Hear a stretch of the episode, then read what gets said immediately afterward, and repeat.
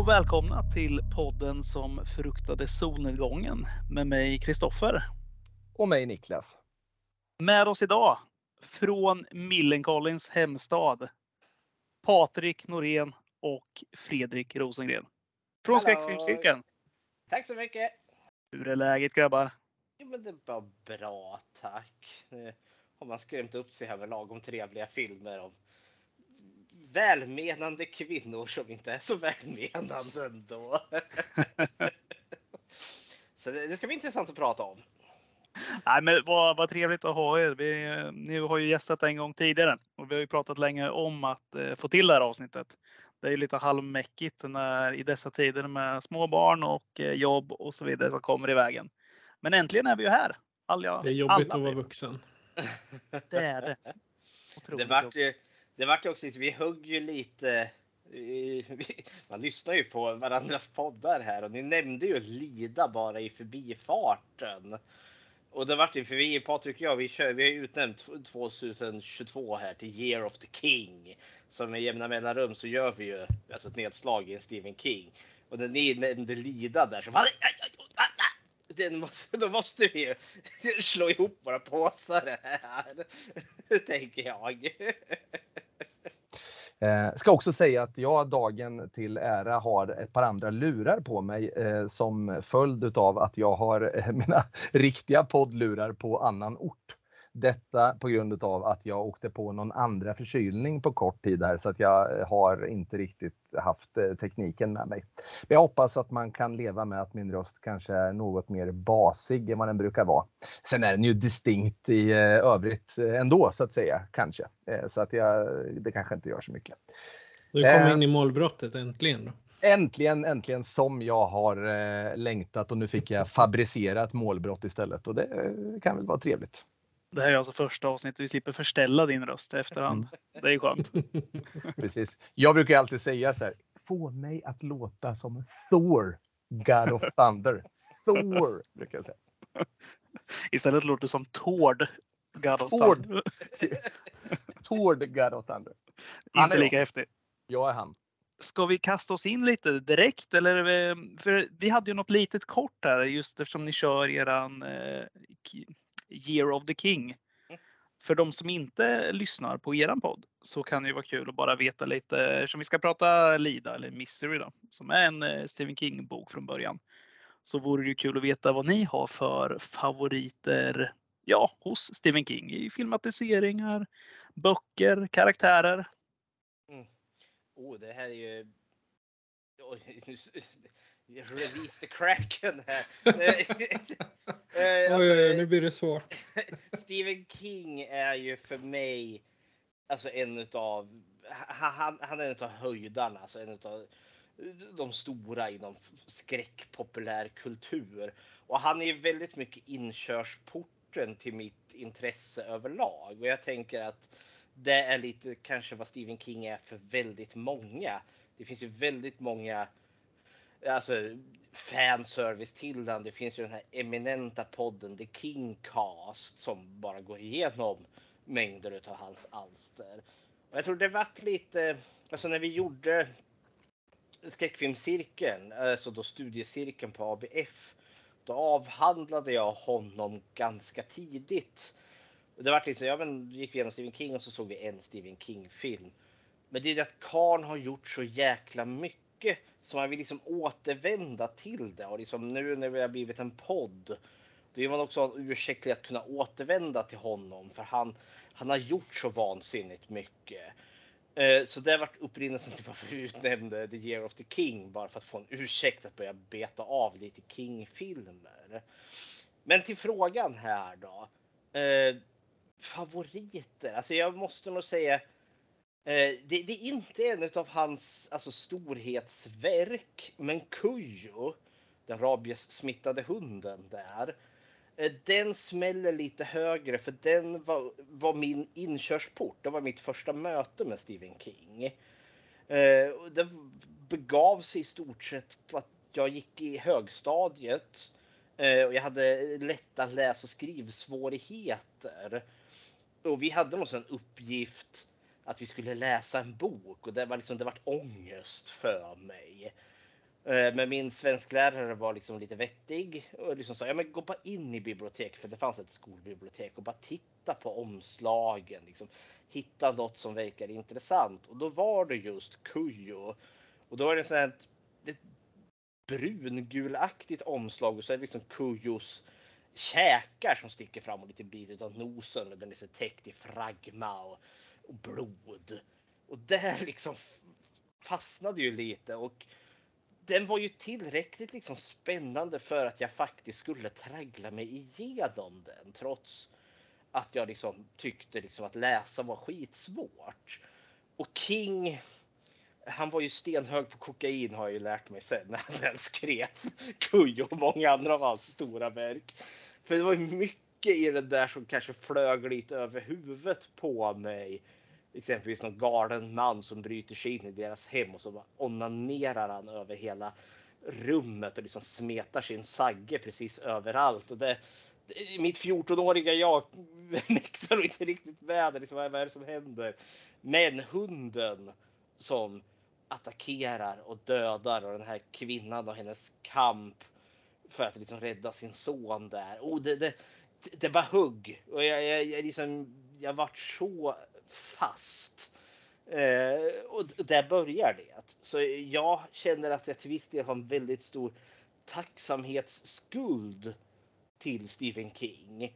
Dels för att han väckte både skräckfilmsintresset men också fick mig att börja läsa. Eh, så Kujo eh, är liksom ett sånt där favoritverk. Eh, även om det inte kanske är hans eh, high art. Annars är det ju liksom verkligen Pestens tid är en personlig favorit.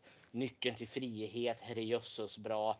Eh, Gröna milen också helt, eh, man sitter ju och grinar eh, sig trött till den filmen. The Shining, eh, Here's Johnny. Liksom, mm, det finns så mycket liksom mm, high art mums mums och så har vi ju liksom skit som The Mangler. Eller där Robert Englund blir hopvikt som ett lakan medan han skriker och vrålar och blodet står i fontäner. Eller Maximum Overdrive. TV. Gräsklipparna och lastbilarna gör revolution. Herre min ge. det nej, finns men, några bottennapp helt klart, det gör det. Det gör ju det. Så nej men det är liksom min Fredrik sammanfattat kring Stephen King. Hepp, jag lämnar över till Patrik. Stephen King var inte det första jag landade på i eh, vad gäller eh, läskiga historier eller skräckberättelser utan det var en eh, två små böcker som vi hade på mellanstadiet i klassen och jag har faktiskt ingen aning om va, vad de gjorde där. För det var alltså böcker som innehöll köttätande spindlar, eller mordiska spindlar överlag för de åt sig igenom bilar och det var fåglar som attackerade pansarvagnar och jag vet inte vad min eh, fjärdeklassare vad, vad jag som fjärdeklassare egentligen tog, tog till mig av det där. Men sen så ramlade jag över någon VOS tror jag med Children of the Corn första filmen. Och den är ju ja, det är ett gäng eh, barn som börjar mörda folk i en stad på grund av en, ja, en präst eller en preacher av något slag som har som ser ut som ett barn fast han är väl typ 200 år gammal eller något. Och den, det var liksom den första Stephen King-filmen som jag verkligen tyckte om. Och sen då har jag nu på senare tid har jag hittat den novellen också som de om det är tio filmer nu. Eh, alla de filmerna är baserad på. Och den är ju på ett halvt A4 om inte mindre. Så och vad det gäller böcker så tycker jag Talismanen och Svarta huset är två riktiga mästerverk. Liksom, det var också första gången jag kom i kontakt med den mörka världen. Alltså Stephen Kings eh, parallella universum. Så att det, det är en i filmväg, Children of the Corn-serien och böckerna så gillar jag Talismanen och Det svarta huset. Som bäst liksom. trevligt. Talismanen, när jag sitter och tittar på den nu as we speak, det är faktiskt en av eh, de många böcker med Stephen King jag har men inte har läst. Så det är väl värt att kanske göra det då. Ja, och följa upp den med Svarta huset sen. Spännande. Det är Bra. en direkt uppföljare. Snyggt. Vad säger du då Hoff? Vad, vad har du om vi, ja men eh, om vi liksom, vi kan ju enas om att eh, filmer, alltså Children of the Corn är kul att lyfta för den är ju en riktig så här, klassiker. Men om man lyfter då Gröna milen och Shawshank Redemption som du gjorde där Fredrik så är det nog ganska så här, konsensus att det är riktigt, riktigt bra filmer och likaväl Stanley Kubricks version av The Shining eller så, så, här, mästerverk liksom. Men Hoff, om, vad, vad säger du då om du, om du liksom försöker lägga de här allra största verken åt sidan vad gäller böcker och filmer? Vad, vad tycker du? Ja, men i bokväg så. Jag har ju också så här. Jag, jag fastnade inte heller i King som det första i skräckväg, utan jag var nog mer Dean Koontz tror jag tog den vägen. Sen leder ju det ena till det andra givetvis. Det är ju, de ligger inte allt för långt ifrån varandra. Men en bok som jag vet som jag tyckte var så jäkla bra. Det är ju Dead Zone som eh, även är otroligt bra eh, filmatisering på. En av få, tycker jag, Stephen King-filmer som verkligen har blivit riktigt bra. Eh, en annan i bokväg är ju eh, 11.22.63, den här JFK-historien. Och den är ju också fantastisk i eh, den miniserie som gjordes med bland annat James Franco i huvudrollen. Eh, ja, men precis. Jag eh, får säga själv då. Eh, ja, min första, mitt första möte med Stephen King var i en novellsamling som heter Jerusalems lott. Med lite noveller med lite blandad kvalitet, men den, den som heter Jerusalems lott i den är fruktansvärd. Den skrämde eh, mig halvvägs till mars när jag läste den. Kommer inte ihåg ålder på mig då, men sen så Stephen King är ju Alltså när man är, går i mellanstadiet så kanske det är lite på gränsen till eh, för svårt bitvis. Det är mycket som du sa Fredrik som flyger över huvudet på en. Men en sån här film eller bok som jag återkommit till och som jag har eh, läst ganska tidigt och nu läste, ja men vad kan det vara, tio år sedan när jag läste Djurkyrkogården. Jag måste säga att den är ju, den är ju, det är ju eh, än idag kanske den otäckaste bok jag läst i hela mitt liv. Den skrämmer slag på mig. Och även den filmatiseringen, den eh, gamla där från 89 måste jag säga är, är faktiskt riktigt bra den också. Eh, och där tror jag vi alla har någon så här slags, ja men det är så här barndomstrauma till Zelda där den här. Eh, Gud, ja, det är vad hon är fruktansvärt. hemsk. Ja, det, det, det, det, den kommer man ihåg liksom att den är så som ståka en nattetid flera år efter man såg den. Eh, Jag eh, upplever det som att varje gång jag sätter ner fötterna, du vet efter man har sovit sen har det varit lite kallt och sätter ner sin nakna fot på golvet, då, eh, då, då ryser man lite i hälsenan ibland. Ja, gud ja. Ja, den är, den är brutal. Sen måste jag... förlåt, Ja, kör. Du, nämnde ju Zelda där. Hon är så, jag, jag, jag tror nästan i vilket sammanhang som helst när man snackar om just 89s filmatisering utav Djurkyrkogården. Och så nämner man Zelda, alla bara För att hon är så vidrig. Och det som är så för hon, hon är ju inte hotfull, hon är döendes. Alltså det är synd om henne, hon lider. Och det är liksom, det, visst, hon dyker upp i en mardröm sen. Eh, men då upplevde jag henne inte så äcklig. Utan det är verkligen den här liksom flashbacken när hon Eh, är så utmärglad och hon äter den där soppan. Och jag kommer alltså ihåg, alltid ihåg just det där när hon, hon öppnar sin mun och det är liksom som någon salivsträng som liksom har fastnat i hennes underläpp. Och det jag tror det är det kanske som Stephen King är så jäkla bra på att lyckas fånga det här. Att det- blir, det blir någon form av äckel. Det är en fasa, en skräck för den här döden. Jag vill liksom bara slippa se Zelda där, för hon är så hemsk. Eh, men det är ju synd om henne och då får jag samtidigt lite dåligt samvete för Zelda behöver ju hjälp och vård. Det är ju fan inte Pennywise som ligger där som behöver liksom få huvudet avslaget. Utan det är liksom en döendes människa. Jag vet inte, det- det är någonting med Stephen King. Att lyckas fånga den där jävla nerven. utav det här som är ganska komplexa med skräck. Eh, ja, hepp. Ja, men, ja, men precis, jag håller med dig och just i det fallet så ja visst hon är hjälplös och sådär men man kan ju också liksom känna med den här lilla flickan då som Mm. är mamman i familjen som då tvingas på något sätt ta en förälders ansvar för sin syster där. Det, det, det är något så som går igenom rutan också när man är yngre som tittare faktiskt. Han har ju så jäkla mycket olika liksom, nivåer i, i King tycker jag. Just det, ni pratar om det här med att fånga skräckögonblicken, men det jag tycker är hans storhet i många av böckerna, eh, det är till exempel i It eller i Sommardåd och eh, liknande. Alltså det är den här med resan mellan barndom till vuxenvärld. Det tycker jag han, eh, det är hans absoluta bästa egenskap som författare. Hela den här utanförskapskänslan, eh, hitta dig själv och så vidare. Alltså det är alltid det jag fängslas av varje gång jag ser det. Jag säger det varje gång jag ser den där eh, första filmatiseringen av It med Tim Curry i huvudrollen. Att den bästa delen, det är innan clownen kommer. Alltså när fokuset ligger där. Det är hela det här som Stranger Things tar så väl vara på också. Där när du är ute och cyklar på dina BMX-cyklar, det är en varm sommardag. Man har den här lilla gruppen av dina vänner, alla cyklar och livet leker. Man leker vid älven och så vidare. Sen kommer något otäckt. Hela den här grejen som man lyckas fånga där i sina böcker. Det är alltid det jag tycker är absolut det bästa. Han är väl jäkligt spot on där. Han, han, han är mycket också kallad för att han är arbetarklassförfattare med tanke på hans ganska blygsamma bakgrund.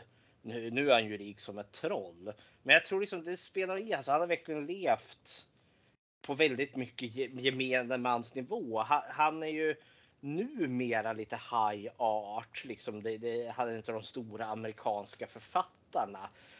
Men lite i hans början så var väl han liksom en kiosk eh, boksförfattare som pö, plöben, pöben och pläben kunde läsa. Eh, Medan eh, ja, liksom den fina litteraturen som träffade liksom eh, bestsellerlistorna. Det, det, var en annan genre, men nu är han ju där. Eh, så jag, ja, han är rolig på det sättet. Och jag är precis med på Hoff, det just det här, hans fångar den här resan. Och han gör det också liksom resan i liv. För eh, även i andra så här, som är nyckeln till frihet, han, hans resa från oskyldigt dömd och liksom man, liksom, man känner the passage of time eh, och det känns trovärdigt. Samtidigt också Stephen King helt fascinerande för han kan vara så in i helvete olämplig och fullständigt liksom att nej, nu nu tiltar det totalt som det i boken. Den, alltså den scenen som inte någon filmatisering någonsin kommer klara av att göra för det är inte möjligt. När efter att barnen har besegrat clownen så har de ju gruppsex i klaken. Och liksom när man kommer till det här stycket liksom man, man vet inte vad man ska ta vägen för det är som inte så att han liksom bara oh så hade de sex där liksom och liksom bara beskriver det. Det är i grafisk jävla detalj. Som man liksom, nej det är liksom det vidrigaste i hela boken. Likadant i Stand By Me. När grabbarna är liksom ute och simmar. Eh, och det- Det blir en liten läskig scen där sen med, med blodiglarna. Det är också så kommer så konstiga fraser där han liksom beskriver hur pojkarnas liksom pungkulor och pittar liksom hoppar upp och ner och studsar i vattnet. Man liksom, vad är det du fokuserar på just nu? Så det är det som är det märkliga med Stephen King. Liksom, han har liksom det här. Han är fantastisk på att författare och stundom kommer det där man liksom bara nej. Vad händer? Sluta snälla. Det är som tack." att det bubblar över på karln lite. Ja. Han var ju ganska långt gången i sitt missbruk. Det är väl inte allt för långt efter det som han blir nykter har jag för mig. Och genast sämre. Det är lite som med eh, Ulf Lundell. Jajamensan. Ja, men det, det, alltså det, det är ju Stephen King och kokain som har skrivit det. Det är ett som är säkert. Då var det Steven Kokain. Jajamensan. Man får ändå ge honom just det här att han skriver bara egentligen om det som skrämmer honom själv också. Mm. Det tycker jag ändå känns ofta. Alltså, sen, det, då kommer det givetvis sådana här eh, lite dippar som, eh, som mangeln till exempel. En, en mangel kanske inte är det mest skräckinjagande för, för någon annan utom den gode Steven då. Nej. Men, eh, i många andra verk så tycker jag ändå man märker det verkligen att det, det finns, det är något relaterbart som just en, en clown till exempel. Det är ju väldigt enkelt. Eller den här spindelliknande som kommer i slutet eller det här hotellet och så vidare. Det finns alltid något att ta som jag ändå känner att det här tycker nog väldigt många andra också är det, det, nu ska jag använda det fula ordet som vi hatar, men läskigt. Det är så fult ord.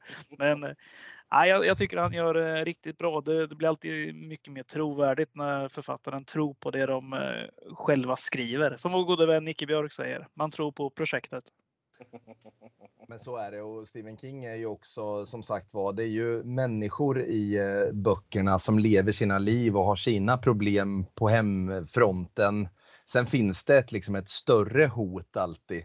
Eh, så att det, liksom, det, det är inte avhängt eh, att det handlar om snåljåp it, utan även utan snåljåp så, så finns det ju väldigt mycket att ta på i den boken.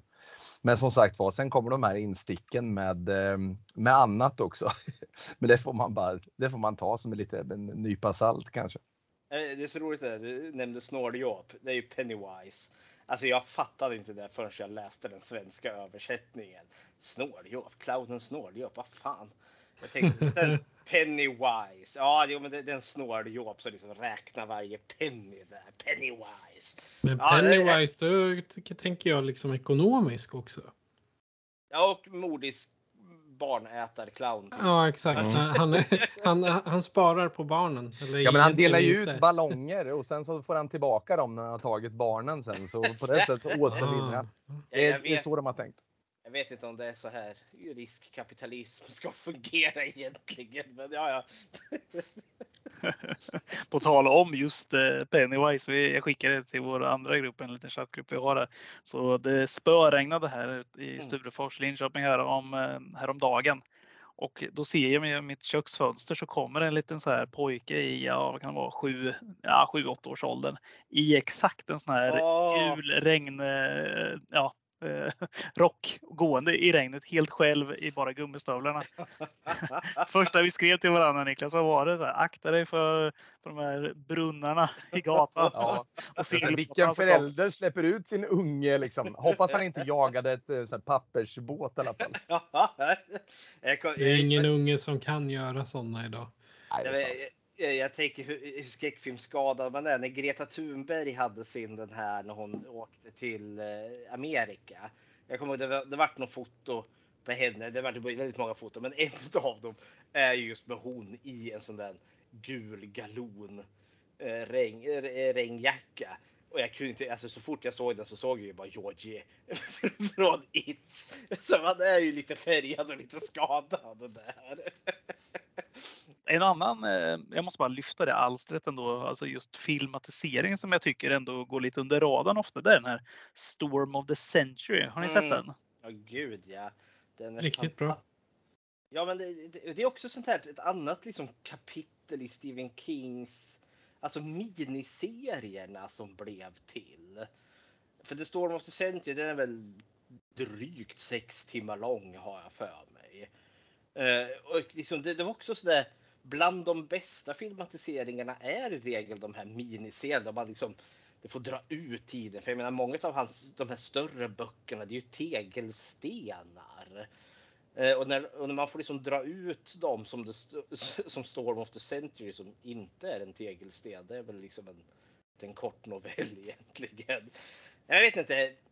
Återigen, de brukar också lyckas fånga det här liksom det, människor Eh, för den där liksom, The Storm of the Century, öfolket där versus han Andrew Linoge, han demonen där. Nej, jag, alltså, jag, jag är bara blown away utav persongalleriet många gånger. Eh, Ja, nej, förlåt. Eh, det ska inte bli Storm of the Century-podden. nej, det, det, nej, men det gör det inte. Det, jag tänkte bara säga liksom, det, jag, jag tänkte nog säga exakt samma som du var inne på. Just det här galleriet av människor på en isolerad plats. Ofta Maine är det ju nästan alltid mm. just när det gäller King då. Men även i den här The Mist filmatiseringen som är en av de bättre också. Det är ju Frank Darabont som är igång där igen va? Om jag inte minns helt fel. Mm de har ju gjort några filmatiseringar tillsammans och det blir ju nästan alltid bra. Mm. jag tycker att det där är just eh, hans storhet just när han trycker in folk i sina noveller eller böcker på en liten isolerad plats. Sen kommer det här hotet utifrån. Det blir någon slags storm, oväder eller liknande. Väldigt mycket oväder i Kings böcker. Mm. Det är mycket så att man är fast i, i personens huvud för jättemycket av hans verk, liksom, vi får ju följa personernas inre värld väldigt mycket. En jättebra filmatisering som finns på Netflix det är ju, eh, vad fan heter den, Gerald's Game. Också så en, en kvinna där då som är fastkedjad kring säng. Eh, hon sitter fast i en säng med handklovar kring sin hand för de ska ha haft lite kinky sex men maken fick en hjärtinfarkt och dog. Eh, och nu är hon liksom fast där och håller liksom på och tynar bort. Och så liksom handlar ju hela filmen liksom dramat i hennes huvud i stort sett. Eh, och det slog mig också. Det här är bara liksom en eh, spin-off, men ibland så här, man har ju sett så när man ser skräckfilm. Vi har ju sett så sjukt mycket våld och mord. Klafsigt och lafsigt. Det är liksom, man, man blir lite luttrad. Men ibland får man ju de här scenerna och man liksom bara oh gode gud, det måste göra så jävla ont. Jag liksom, jag inte längre knappt klarar av att titta på scenen. Eh, och förvånansvärt många sådana är i Stephen King-verk. Exempelvis hälsenan i, i djurkyrkogården. Ah, bla bla bla bla. Eh, eh, Lida ska vi komma till här sen. God damn! Alltså det är ju så att det gör ont i mig själv. Och sen den senaste, det var just i Geralds Game. När hon äntligen tar sig ur handkloven.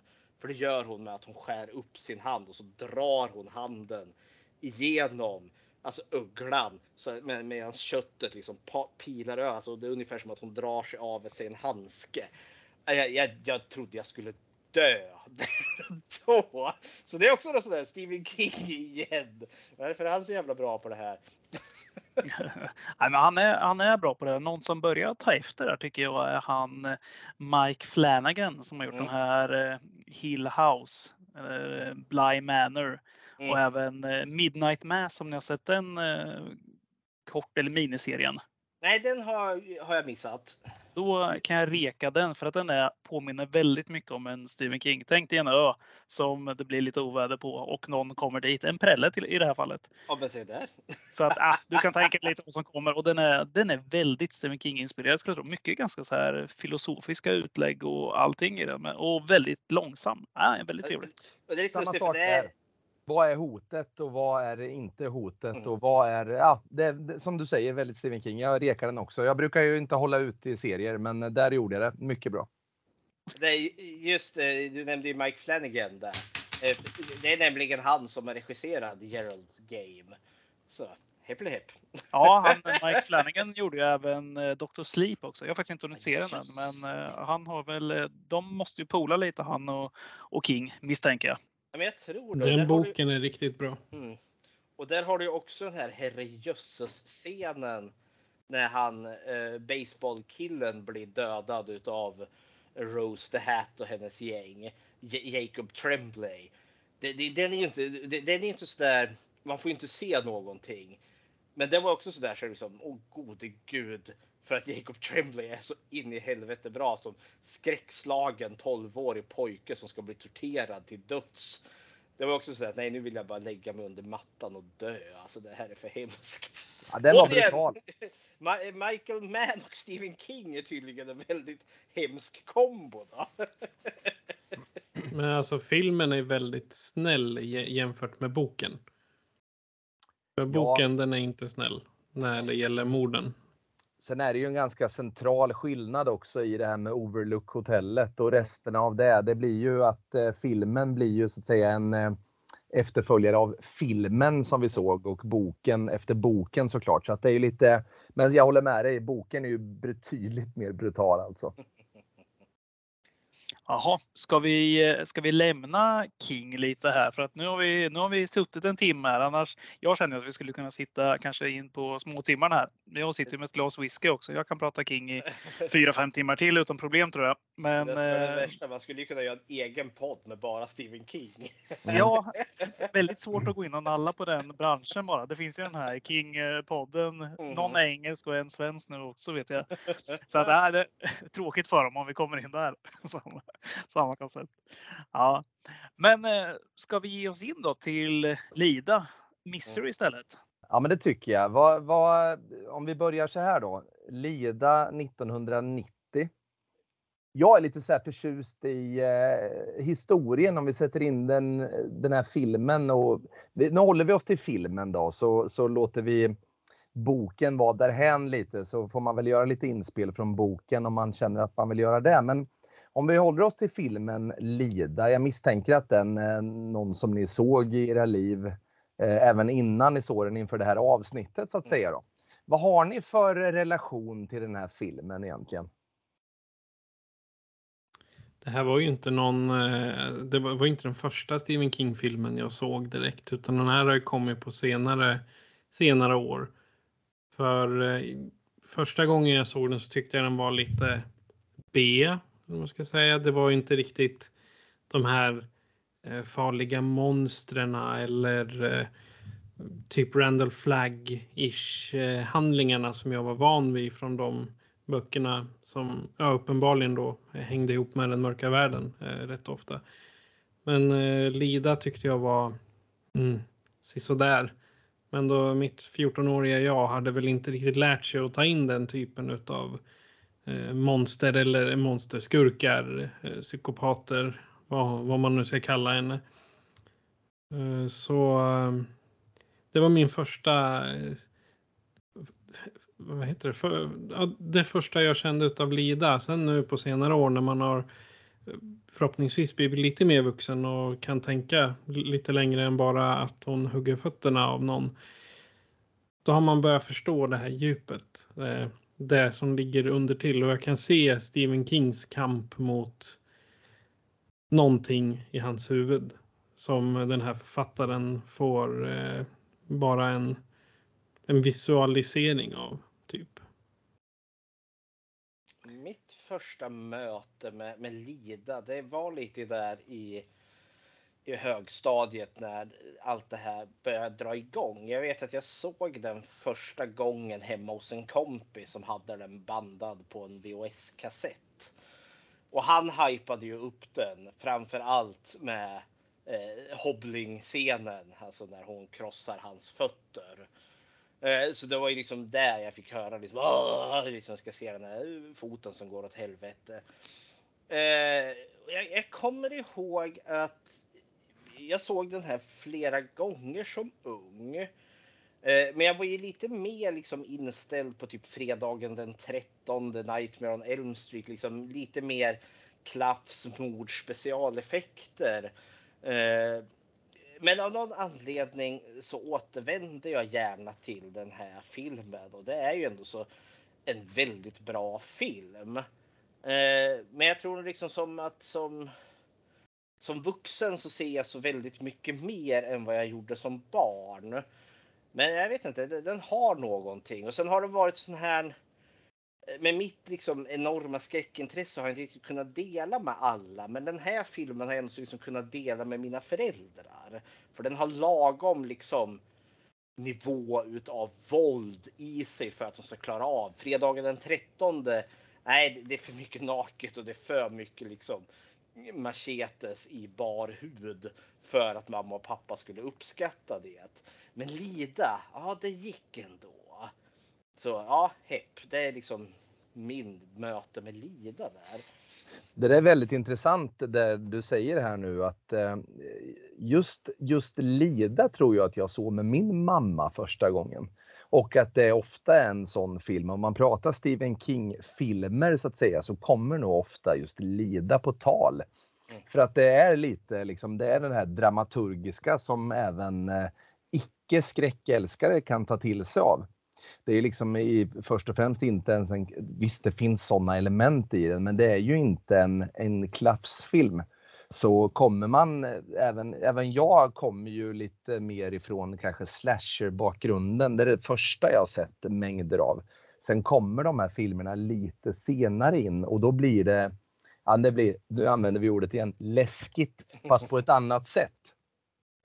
Eh, så att jag, jag håller med om det. Det här är ju verkligen en, om man nu pratar skräckfilm så är ju det här en skräckfilm som är för flera. Eh, inte bara eh, skräckfilmsälskare vill jag mena.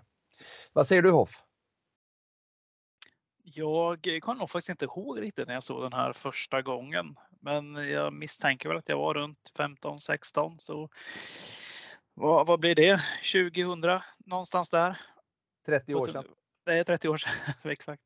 Nej, men eh, jag kommer också ihåg att jag tyckte nog den var lite långsam sådär. Man eh, förväntar sig säkerligen av mer monster så som Patrik sa också där. Man hade sett rätt mycket annat eh, Stephen King-aktigt eller skräckfilmsväg och det här var, det här är ju liksom mer psykologiskt mycket av det.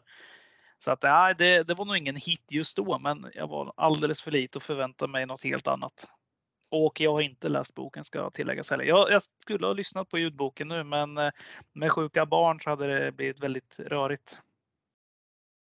Ja, men det är ganska intressant. Jag har den färsk faktiskt. Eh, jag började läsa, eh, men sen insåg jag att livet tillåter väldigt lite läsning, så då är ljudböcker bra. Så att jag har faktiskt lyssnat på den också. Eh, vad säger ni om Rob Reiner då, regissören här? Har ni något förhållande till honom här initialt? Ja, alltså Princess Bride är ju det första som ringer i min i alla fall. En av mina favoritfilmer. Döda blekens minut heter den väl på svenska. Så här rolig översättning. Mm. Jag får ju dra, passa på att dra en passning nu till min eh, gode vän Kalle Nilsson från Åtvidaberg som är mycket förtjust i This is Spinal Tap också. Eh, fick jag hårdrocksreferensen sagd igen här nu eh, i podden. Det var ju, var ju bra är så värdelös på namn så liksom när du nämner Rob Steiner så har jag liksom i panik dragit fram IMDB här. Men det är, det, det, jag har ju sett jättemycket av han som är jättebra. Eh, ja men Bleka dödens minut. det är awesome. Uh, I am, vad heter han nu? Montoya. Uh, you killed my father, now will kill you. Uh, han, han, han är ju den som också har gjort en av dem andra, alltså så här, herrejösses bra Stephen King-film och det är ju Stand By Me. Eh, som också är en av de här, alltså, när Stephen King inte är skräck. Eh, tenderar ju att gå väldigt väl. Ja, men som Stand By Me, Nyckeln till frihet, Gröna milen. Eh, men sen har han ju också gjort den här När Harry mötte Sally. Eh, den har jag nog sett. Men den har också sett ganska mycket med mina föräldrar. För de är lite, lite mer komedi som funkar för dem. Som när hon fejkar sin orgasm där på, på restaurangen. Så det, ja hej och hå. I, I take what she's having. Och sen hans på hederens samvete. You can't handle the truth. Den här karln har ju, här karln har ju levererat väldigt mycket. Alltså, alltså odödlig liksom filmmagi. Mm. Framförallt så är han helikopterpilot också. Jaha, oj. Se där. Han är helikopterpiloten i Lida. Jaha. Jaha. Jag vet inte om det där kommer vara känd för mest. Liksom, när han dör. Ja, det var mannen som flög helikoptern i den här filmen. Ja. Nej. Nej, han har, jag, jag, såg att han har varit med i ett Hannah Montana avsnitt också. Det måste ju vara det han är mest känd för då. givetvis. Där måste jag, bara få sticka, jag måste få sticka in på tal om helikopterpiloter där. Visste ni att det är alltså eh, han som spelar rovdjuret, det gamla klassiska rovdjuret med Arnold. Det är han som kör helikoptern som landar för att rädda dem i slutet. Ja, men det, det, det var så nördfakta. Man fick faktiskt se honom en gång utan dräkten. Det gillar man. Det gillar man. Nej, men det var väl faktiskt så här att när de skulle filmatisera Lida så var det rätt många som eh, aspirerade på att få göra den. Men King var rätt benhård där. Han sa ju att det var Rob Reiner just som ska göra den. För han hade ju sett eh, Stand By Me innan och tyckte ju att den var den enda bok, ja, förlåt, han sa faktiskt så här att den enda filmatiseringen av hans böcker som var riktigt bra. För att det, och då, det kanske inte var bara cred till just Rainer utan det var väldigt mycket bash till att det hade gjorts så jäkla mycket dåliga filmatiseringar av just Stephen King böcker enligt honom själv. Då. Så det är lite kul också. Förlåt, var Stephen King benhård också när han skrev den här kloakscenen i Det? Givetvis. ja, nej. Om inte annat så blev han väl det under tiden. Åh gode gud, jag hoppas verkligen inte det. Ah. Oj, oj, oj, det var roligt. Jaha, eh, då ska vi se. Ja, eh, Lida alltså. Men ska vi göra så här att vi slänger oss in i den här berättelsen Over the hills and far away som Gary Moore en gång sjöng. I Colorados snöiga vinterlandskap är den framgångsrike författaren Paul Sheldon ute och kör sin bil när han plötsligt råkar ut för en svår bilolycka. En kvinna räddar honom, sjuksköterskan Annie Wilkes. Och när han vaknar upp i hennes hem ett par dagar senare berättar hon att hon är hans största beundrare. Och sen så går vi eh, raskt in då. Så tänker vi att vi, vi börjar med, nu är det ett ganska begränsat eh, karaktärsgalleri i den här filmen må hända. Men om vi börjar med att bara slänga ut ordet då. Eh, Fredrik, Patrik, ta till orda. Vad har vi att göra med för eh, figurer i den här filmen? Karaktärerna. Vi har ju, det är ju ett väldigt litet drama här. Det är väldigt mycket kammardrama mellan karaktär, vad heter han nu? Paul Sheldon heter han väl? Ja. Ja, Paul Sheldon, författaren eh, som då eh, har skrivit någon bokserie här om en karaktär då som heter Misery, Lida. Eh, som eh, är, hamnar i en hemsk olycka och behöver vårdas. Han får väl privat sjukvård utav sjuksköterskan Annie Wilkes. Eh, och utöver det så är det inte så många karaktärer. Den karaktär som sticker ut mest det är väl sheriffen Buster. Och sen hans fru Virginia. Det är väl de karaktärer vi har egentligen. Vi gör så här då. Vi, vi börjar med eh, Paul Sheldon som du Mm. beskriver där som ja, men filmens huvudperson då i den bemärkelsen att han är är med om den här bilolyckan och, och hamnar i klorna på det som sen kommer att utgöra hotet. Vad har ni att säga om den gamla James Caan eller eh, Sonny Corleone eller vad vi nu ska kalla honom? Vad, vad tycker ni om, eh, om Paul Sheldon i den här eh, filmen? Vad, vad, vad har ni att säga? Alltså, om man bara tar det lite kort bara. Jag, jag ska inte gå in så jättemycket på karaktären, eh, men det var ju rätt många som, eh, som ville spela den eller som erbjöds att spela just eh, eh Paul. Vi hade alla den tidens stora, alltså Redford, Dreyfus, eh, Dustin Hoffman, De Niro och, och så vidare. Även Jack Nicholson. Men de flesta tackade faktiskt nej till den här. Kanske lite just på grund av att eh, King-filmatiseringar sällan blir eh, någon hit. Eller så krockar det med något annat. Dustin Hoffman till exempel, han, han gillar inte ens att spela med i våldsamma filmer så han tackade nej. Jack Nicholson tyckte att en King-filmatisering räckte och eh, Richard Dreyfuss han eh, bara, nej jag gillar inte manuset så jag skiter i det här. Eh, och James Kahn, eller Kahn, han, eh, han var lite, lite på dekis var han faktiskt när den här filmen skulle spelas in också. Men så fort han fick rollen eller gjorde sin audition, då var det, liksom, då var det bestämt. Reiner sa det här, vi kommer köra band. Det finns ingen annan som kommer kunna eh, göra en audition efteråt. Och James Caan var så pass rätt alkoholiserad Mm. när, eh, när det här var. Så han kom ju ofta till inspelningen och var riktigt jävla bakis faktiskt. Så att det var flera scener som de fick eh, köra om. Just för att han eh, bara, nej men det går inte, han förstör liksom en hel arbetsdag. Det här var ju något som Rainer ändå, han hade ju valt honom personligen liksom att eh, vi ska ha James Gunn. Så han stod upp för honom och var så här, nej men det var lite fel på kamerorna skyllde han på. När alla fattade liksom, nej men det är James Caan som är problemet. Men till slut fick ju James Caan reda på det där. Och då vart han så in i helvete ledsen och besviken så att han erbjöd sig faktiskt betala för de här dagarna och allas löner där som, ja. det är Rätt kul grej där. Han tog sig i kragen också och tror jag faktiskt, om jag inte missminner mig här, nyktrade till efteråt. Han gjorde en Stephen King där var med i en bilolycka och var nykter. Ja, Annars var det ganska användbart under tiden han, eh, om han var bakis, de här scenerna när han ligger i typ i sängen och sånt där. Han ska ju se för jävlig ut rent, rent av och då behöver de inte sminka han så mycket och så känner han sig då lika dåligt som han ska må. Då, liksom mission accomplished typ. det, det, också när jag har hört här med just karaktär, alltså att spela Paul Sheldon eh, Eh, är ju att eh, det är en väldigt passiv roll.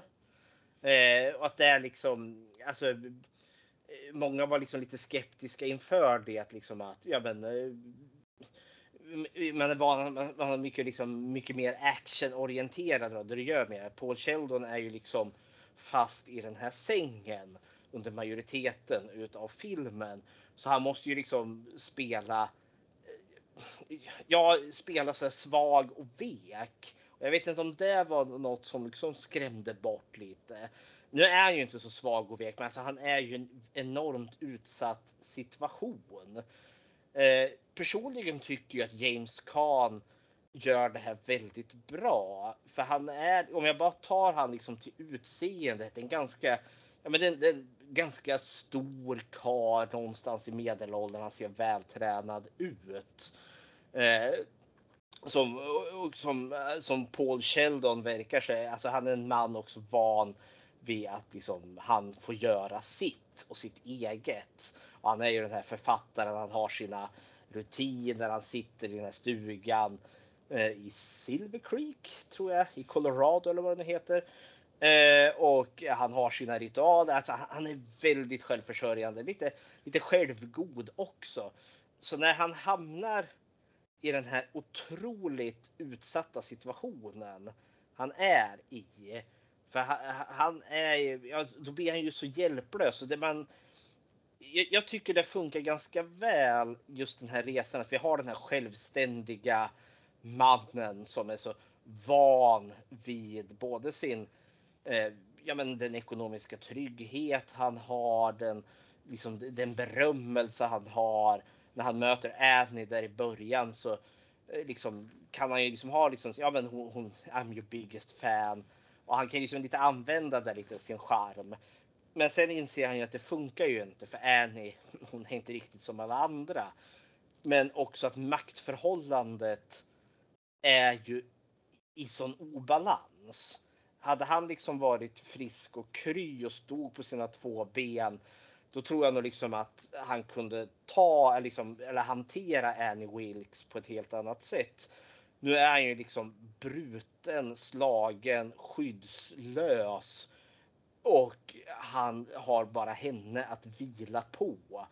Liksom, jag tycker det kommer fram liksom så väl den här mannen som är så, liksom så, så självsäker i sig själv blir liksom berövad all sin makt och all sin ja, värdighet kanske han inte blir berövad, men någon, hans stolthet är liksom tagen och han blir liksom, han blir hjälplös och utsatt.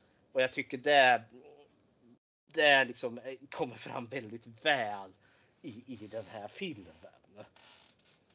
Ja, det är inte mycket att säga till om den gode Paul där.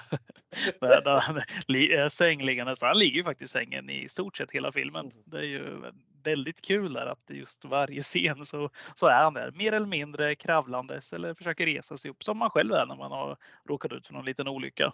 Det där var ju också för jävla tungt för James Caan eftersom han är, alltså han hade ju ett rykte när den här spelades in som Hollywoods bad boy lite. Mm. Han var ute och kröka och hade lite problem med substanser och så vidare. Eh, så han, eh, Rob Reiner tvingade honom att mellan tagningarna ligga kvar i sängen också. Det här var ju något som inte var uppskattat helt eftersom eh, Kan själv är ju väldigt aktiv. Han vill ju ut och ragga brudar, dricka öl och så vidare kan jag bara tänka mig och hålla igång. Så det här var ju ett riktigt bra knep av Reiner. Han var ju inspirerad av Hitchcock mycket. Hela den här filmen är ju väldigt Hitchcockig får man väl säga. Det är ju ett litet kammarspel och eh, Hitchcock brann ju mycket för de här små rummen där det ska hända mycket saker. Och det, ja, det tycker jag är jäkla effektivt. Jag tror just att det passar just så bra att det är James Gunn där. Han, alltså det, det kryper i honom när han ligger i den här sängen. Man märker att han vill därifrån så pass mycket och det tror jag inte bara är rollen i sig utan även liksom hans personlighet som också vill upp ur den här. Och det, det har de fångat riktigt bra. Men också just den här Alltså att, att få sitta i den här situationen liksom så han är så skyddslös. Men ändå så.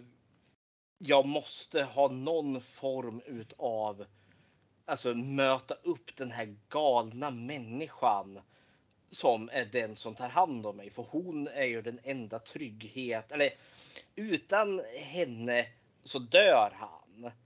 Eh, åtminstone i början utav hans liksom, sjukdomstillstånd eh, efter kraschen där. Sen är det ju hon som blir ett hot mot hans liv sen. Men just den här, just eh, när liksom han liksom ändå så försöker eh, liksom om man hade någonsin hamnat i den här jättejobbiga situationen där man möter en människa och man har tolkat signalerna fel. Den andra personen blir jätteupprörd och man liksom inser hoppsan, vart är det här samtalet på väg? Och liksom stämningen blir pissadålig. Eh, det tycker jag den här fångar liksom ganska väl och liksom hur han Paul Sheldon liksom när Annie får sina hiskliga humörsvängningar som verkligen går så. Eh, att jag liksom. Jag tycker de fångar det väl liksom att han. Han liksom. Han blir i någon form av liksom detektiv-mode. Han måste liksom läsa Annie, han måste läsa rummet. Han måste läsa liksom signalerna, liksom lära hur, hur funkar hon? Uh, det, det spelar också om den här, han, den här självsäkra, självständige mannen som liksom försöker liksom bara är nu i någon form av survival mode. Men är inte på, inte på, inte på samma sätt som man kanske vanligtvis är van vid där han liksom kan få sin vilja igen. Utan nu he is dealing with crazy och han måste decoda the crazy på något vis och vänster. Och det upplever jag att det gör väl han lite under filmens gång. För liksom närmare slutet, liksom innan den sista akten, alltså då har ju han lärt sig hur hon funkar så pass att han kan ju liksom spela på hennes vansinne. Och det blir ju hans räddning i slutändan. Så jag tänker det är väl det som. Ja, det är där den karaktären är väldigt liksom fascinerande för mig i, i alla fall. Ja, hepp hepp, nu har jag bladdrat på här. Den här eh, mentala schackspelet som pågår mellan de båda just att eh, han får ju lära sig liksom trial and error hela tiden, bara lära mm. sig framåt. Vad, vad fungerar här och vad fungerar inte? Och han får ju lära sig på det, det mest ohyggliga sättet också när det inte fungerar. Och det, han, eh, ja, men det är väldigt kul att se just att könsrollerna blir på det här sättet i, i en film. Det, man gillar när eh, den här starka personen verkligen sätts i en sån situation där som inte som är så pass svår att hantera jag tycker man, man får ju känslan av att Paul Sheldon, han är ju en författare som skriver den här Lida och den här, vad ska vi säga, den här klassiska romantiska puttinutt eh, ehm, romanen, följetongen, som han till viss del ser ner lite grann på. För att han tycker att han är en författare som har större saker eh, hos sig och vill, vill också så att säga eh, bli erkänd som den författaren. Man kan också tycka att kanske Paul Sheldon då eh, i anslutning till detta lite grann ser ner på dem som är läsare av de här böckerna som han har skrivit. Där då Annie Wilkes som är hans greatest fan då som han ofta gör gällande. Eh, att, att det, då är det ännu mer intressant att det blir eh, det här utbytet eh, där han är i underläge. När han från början, när han från början kanske skulle se ner på henne som person, skulle jag bara säga. Eh, Ja. Jag, jag, är helt med på det, för det finns en arrogans hos honom och egentligen alltså hans möte med Annie ödmjukar ju honom ganska. För han, han är ganska bortskämd egentligen. Han har gjort de här. Vad är det? det han har gjort. Nej, han har gjort åtta mysteryböcker och nu har han gjort den sista då. Han, eh, han avlivar karaktären i slutet där. Det uppskattar ju inte eh, Annie när hon får läsa manuset sen. Eh, men eh, eh, eh, för jag satt och tänkte också, för Paul Sheldon, han är också ganska intellektuell. Alltså han, han är liksom, han är boksmart, han är akademiskt smart. Eh, och det är nog inte riktigt Annie Wilkes, så de är lite på olika nivå.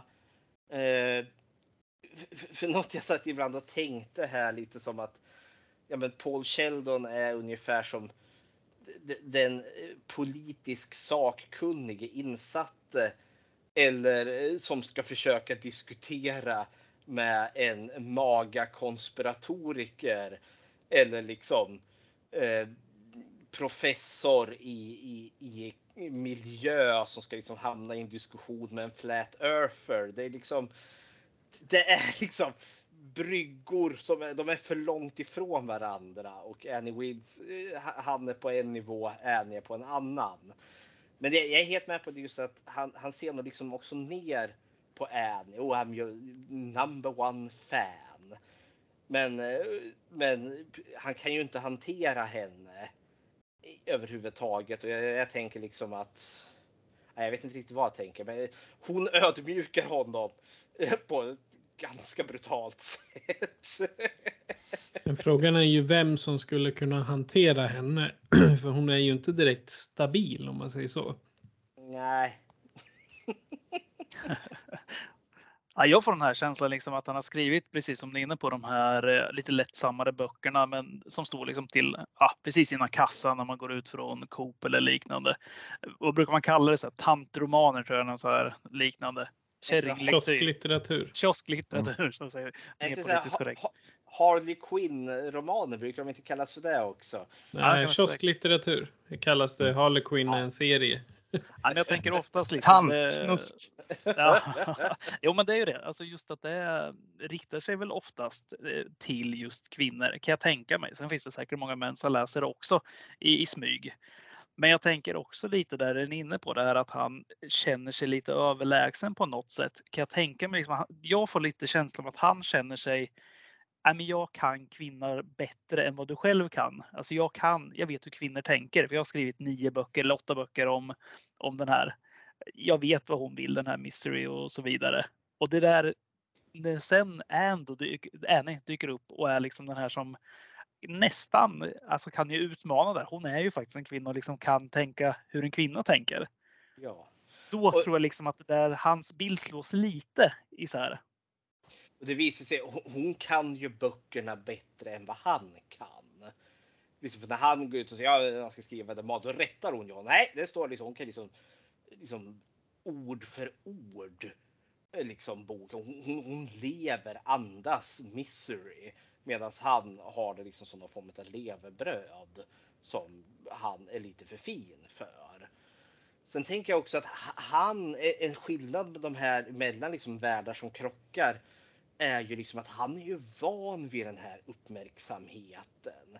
Han, eh, han intervjuas liksom i, vid boksläpp. Han, han är van att liksom bolla folk och han har sin agent där i New York och sådana saker. Sen åker han ut i stugan där i Silver Creek och liksom skriver sitt. Man har liksom gjort eh, om hans liksom, eh, han firar med en Don Trojan och liksom en cigarett där. Liksom, han, han har liksom fått sitt liv dissekerat, han är van vid rampljuset. Annie är liksom totalt utanför samhället och har byggt upp sin egen vardag, sin egen verklighet. Och han kastas ju in i den vare sig han vill det eller inte. Och den är ju så väsensskild ifrån han. För Annie lever ju verkligen i sin bubbla där han har spelat en sån stor roll. Alltså hon, han har ju egentligen påverkat hennes liv jättemycket och han har ju inte vetat om det. Alltså, ja, det finns många bottnar här inser jag när vi pratar om det. ja, men eh, för, först och främst, precis som du är inne på där, alltså han är ju New York-bo från mm. början. Och eh, hon bor i Colorado Silver Creek. Silver mm. Creek är ju någon sån här liten eh, alltså ödslig så här, liten gruvstad som mer eller mindre har konkat sedan länge. Om jag inte är helt ute och cyklar där. Det är ju liksom en riktig liten slumrande stad som, som alltid i Stephen King berättelser. Och det, det blev liksom den stora kontrasten där. Hon är ju van med det här enklare livet. Han kommer från storstaden. Redan där har vi ju en krock. Sen fortsätter det ju bara. Det är ju krockar på allt. Det finns ju inget mellan de här två som är Alltså de, de klaffar ju ingenstans egentligen. Det enda de har är de här romanen som de Mm. delar. Sen var det ju också så att eh, Catherine Bates och James Gunn var riktiga ovänner också under inspelningen. Ska man ju också ta upp. Men vilket gör det mycket bättre för att det blir väldigt trovärdigt just att de irriterar sig på varandra. I alla fall James irriterar sig något fruktansvärt på Kathy Bates verkar det som. Jag tänker att vi har väl en hyfsad bild eh, av, eh, av Paul Sheldon här då som den här lite arrogante men framgångsrike Eh, alltså tuggummi-litteraturmakaren då som hamnar i klorna på denna, på denna bestialiska kvinna. Eh, vi snuddar lite. Vad tycker du Patrik? Bör vi nämna eh, sheriffen något som är den som ehm, eh, som, som är den som söker febrilt efter denna försvunna författare då? Eh, Buster, som han heter. Jag gillar hans arbete. Eh, eller framförallt hur de eh, visualiserar hans arbete. För han, han går ju... Han är den riktiga agenten som inte bara... Nej, men han är inte död. Det här är fel. Min magkänsla är annorlunda och jag har jobbat med det här länge. Och han fortsätter. Det är också lite eh, typiskt King Trop att alla andra lägger ner förutom en som verkligen tror på det och ska rädda. Och jag tycker han är en härlig karaktär också. Och sen har han frugan som eh, sin under, underordnade när de sitter i polisbilen. Det, ja. Nej, jag gillar honom för han går ju verkligen djupt. Han läser väl ut alla Missouri-böcker också under tiden han eh, gör de här undersökningarna. Om jag, inte, om jag inte förstod det helt fel. Så jag tycker han är, han, han är inte med så jättemycket men det är en älskvärd karaktär. Den här småstads, småstadspolisen. Den klassiska. Han läser ju böckerna där för han får, eftersom han inte kan så mycket om eh, eh Sheldon där, eller Paul Sheldon då, så måste han ju läsa dem för att veta i alla fall eh, vad han skrev om. Hans fru undrar ju direkt där, men vad ska du ta reda på liksom vad han, vad han skrev om? Vad han, det ger ju inget. Men han hyschar ju henne liksom bara läser vidare. Han fastnar ju i de här också. Och lite det jag var inne på, där med det kanske inte bara är de här eh, damerna som sitter och läser de där böckerna då. Han sitter och gör anteckningar och skriver och verkar tycka det är ganska trevligt ändå. Han, för övrigt, Richard Far Farnsworth som spelar han Buster, för jävla bra skådis. Jag nämnde i ett annat avsnitt där, men han spelar ju huvudrollen i David Lynch-filmen eh, Ah, eh, The Straight Story. ja, Och den är så jättebra. otroligt jäkla bra. Sen eh, satte han gevärspipan i munnen några år senare och blåste skallen av sig. Tråkigt. Nej, men, men gud, alltså han tog sitt liv. Yes. Åh nej! Jaha, se där. Dock så blir det ju lite kusligt ko- kopplat till den här filmen. För det, det är ju gevärspipan som gör slut på i den här också. Så. Ja, men, men hans eh, fru där, hon är ju riktigt härlig. Nu har jag inte namnet på henne framför mig här. Jag glömde skriva ner det. Men Eh, eh, Francis Sternhagen. ja, Eller Virgi- Virginia heter ju kalla- karaktären. Ja, hon är ju härlig alltså när de sitter och åker i bilen tillsammans där och letar efter ja, efter tecken på Pauls försvinnande så sitter hon där och börjar göra närmanden på honom i bilen. Och det, är ju- det är ju, dels är det så här, ja, jag blir lite så här obekväm. Dels för att de är så pass gamla. De är ändå, vad kan de vara? Det- är ju närmare 70 på de där två. Va? Jag vet- Ja, men han bara så här, han är ju så be, ja, benhård, för- förstå mig på rätt sätt. Han är inte benhård utan han är bara benhård och säger att nu är det jobb som gäller och inte, och inte något annat. Medan hon bara, nej jag vill hellre vara hemma under täcket med dig. Och, ja, jag tycker bara Det är ett hårt härligt. avsnitt det här alltså. Det- jag gillar de här två jättemycket. Flera anledningar. Det- Dels också för att de bara är gamla. Vi har äldre skådespelare som spelar äldre karaktärer. Jag, jag efterlyser gamla personer i film. För det, det, det finns så mycket gott man kan göra där tänker jag. Baba Hotep är en fantastisk film. Med Mumier på ett äldreboende. Buster och Virginia, alltså jag, jag är helt med dig där Hoften här när hon i bilen där. Jag, både samtidigt tycker jag det är awesome. Liksom, ho- det är hon som smyger ner handen på hans lår där. Annars vanligtvis är det liksom en trop, liksom en gammal äcklig man som klämmer en ung tjej på låret. Nu är det Virginia här som bara mm, jag ska lite mumsig tid med maken här. Jag har inte tid att åka och leta efter en död författare här. Vi vill, vill knula här. Och så, och jag, jag gillar också att ja, men de är äldre och de har ett aktivt sexliv då tolkar jag. Det, är liksom, det känns mysigt på något vis. Det är inte liksom jag men, man kan vara viril och liksom ha, leva livets goda fortfarande även liksom på ålderns höst. Och just de här två tillsammans känns så mysiga. De säljer verkligen illusionen om ett Ja, men, de träffades när de gick i high school och sen har de liksom high school sweethearts och sen har de varit ihop sen dess. Eh, för han känns också liksom väldigt så här, puttrig småstadspolis där då. Allt vad det där. För jag kommer alltid, för jag blir alltid lite vemodig när Buster introduceras. För jag vet ju hans öde. Han, han blir ju mördad utav Annie sen. För jag har alltid tyckt så synd om Virginia som kommer bli änkan här det är inte många gånger jag liksom går in liksom jag tänker oh, på de anhöriga. Hur ska det gå? Men det är, i det här liksom. De, de har sålt så, liksom så, så kärleksvärda karaktärer så för mig så att jag är investerad. Så när, när Buster blir mördad så är det inte bara liksom ett chockerande för att ett mord, men det betyder också något. Det är en förlust, en genuin förlust som sker här, vilket gör liksom Annies brott inte bara hemska för att de är brutala, men också för att jag, jag kan liksom se, eller i mitt, i mitt huvud, göra de konsekvenser det här kommer få med Virginia som förlorar sin make här. Så ja, det är ytterligare en styrka den här filmen har. Som ni förstår så kommer jag ju såga den här filmen totalt som den sämsta film som någonsin har gjorts. Men jag tror att det med flit de lägger den här just närmanden som hon gör i bilen där just för att eh, visa på just könsrollerna i filmen. Det, jag har inget belägg för det, men jag misstänker att det är så. För att det, där visar vi ju liksom att det är hon som mer eller mindre styr det här förhållandet. Sen är det han är ju bara den här, äh, men jag jobbar, då är det så här. Sen har vi den här Annie som är den starka kvinnan också. Eller ja, beror på hur man ser det. Men även eh, Pauls agent är ju en eh, kvinna som också är den här som styr rätt hårt. Hon är ganska hård mot honom med vad han ska göra och vad hon vill att han ska göra och så vidare. Hon skyr inga medel.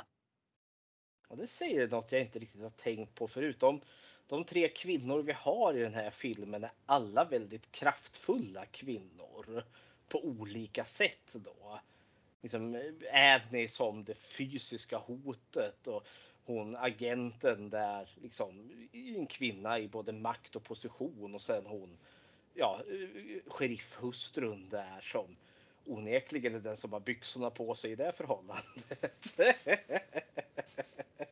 Intressant är ju i eh, just den här filmen också att de här huvudkaraktärerna, det är ju två stycken. Eh, men de här bikaraktärerna som vi pratar om nu, man lyckas ändå befästa dem med väldigt små medel. Ni pratar just nu om att liksom eh, sheriffens död där kommer få konsekvenser framåt. Eh, fast man egentligen, de, är ju, de har inte många minuter i rampljuset och ändå lyckas man förmedla så pass mycket. Det är också en styrka för den här filmen som trots allt i mångt och mycket är ett kammarspel. De eh, gör det ju så jävla bra med, förlåt svordomarna, men just mellan eh, sheriffen och frugan där. Alltså deras förhållande. De har den här relationen att de är man, hustru och även kollegor på jobbet. Så nära kollegor man kan bli. Med den hierarki som kanske finns just inom polisväsendet. Att de sen har den här sarkastiska jargongen mellan varann. Den är ju, och den görs så otroligt bra i filmen. De är ju så kvicka i munnen de här på varandra också. Varje gång han säger något så säger hon något tillbaka riktigt klämkäckt utan att det blir liksom konstlat på något sätt. Det känns bara så här. Ah, men de här har varit tillsammans sedan high school och de, eh, liksom, eh, de vet precis hur de ska ta varandra och ändå leva kvar med varandra. Jag tror det är därför man köper den här känslan av att, eh, som Fredrik var inne på, att man, hon, hon kommer bli ledsen. Liksom. Hon kommer sakna honom och jag, liksom, jag känner med henne. Eh, det är också det här att han, jag investerade i hans lilla utredning. Det, det, det, är nästan så jag känner liksom att man skulle kunna ha en spin-off på den här liksom Buster löser mord uppe i Silver Creek här. Nej, men just, han, man ser liksom hur Kuggio, han, han, är ganska intelligent ändå. Och det är exempelvis som att när han är i Annies hus eh, strax innan han blev mördad. Alltså han, han ser igenom henne. Hon försöker ju bjuda honom på choklad och han vill ju inte ta det. Att, jag, jag satt och tänkte nej, eh, hon, han litar inte riktigt på henne. Men eh, liksom, han går liksom inte på hennes charm eller något sånt där. Eh, och samtidigt är jag också lite så nervös bara liksom. Han är ju så gammal. Jag ser och tänkt. Vad, vad, skulle han göra liksom efter att han hittat Paul Sheldon i, i källaren där? Hade det fram med pickadolen och sen liksom gripit henne? Eller hade han liksom brottat ner? Nej, Annie hade ju liksom rent muskelmässigt så är ju Annie så jävla mycket starkare. Hon hade ju kunnat liksom bryta ihop allting kringla utan, utan att använda geväret där. Så ja, jag vet inte riktigt kanske. Även om han verkar smart så är han också lite osmart. Han tog verkligen ingen backup med sig. När jag liksom började misstänka liksom att Annie har något skit med det här att göra och det, ja, det kostar ju honom livet. Så ja, ja hepp hepp. Mm. Man får inte nästa, alltså, han kan inte ha väntat sig stenhårt att han ska vara där ändå eh, med tanke på hur pass oförberedd han är. Han går liksom runt och vänder ryggen åt henne. Liksom under, han går ju runt och genomsöker huset lite grann. Men mm. eh, han, han, eh, han gör ju ingen stor, liksom, eh, hade han vetat eller haft anledning att misstänka denna kvinna. För hon har ju ändå ett rykte, det får vi gå in på lite så här i, i staden då, så hade han nog behövt ta med sig åtminstone ett par, tre gorillor skulle jag tro för att kunna övermanna henne då. Jag var också inne på, jag ville bara säga det i anslutning till just det här paret. Jag vet en scen där han, eh, hans fru där, hon sitter och pratar i telefon med någon om honom och pratar om honom i ganska så här nedsättande men så här härliga ordalag ändå. Och så kommer han in och då tänker man att det naturliga skulle vara för henne att sluta prata om det. Men hon fortsätter och säger så här, jag pratar om dig här och att du så det är så härligt. De har verkligen en relation där, där han, eh, hon, hon driver på och han får bara acceptera det här att eh, han, han står lågt i kurs ibland. Alltså. ja, men det är det, hon kommenterar, han är ute så mycket, han har säkert en affär och så kommer han in där. hon bara nämner det rakt upp och ner precis som säger. Ja, men jag är tillbaka från din affär här. Fantastiskt. Mm. Ska vi göra så att vi eh, ganska naturligt här då eh, går in på hotet? för hotet, det är eh, allvarligt för Paul Sheldon. Detta hot som han har eh, hamnat i klorna eh, på så att säga då. Hotet.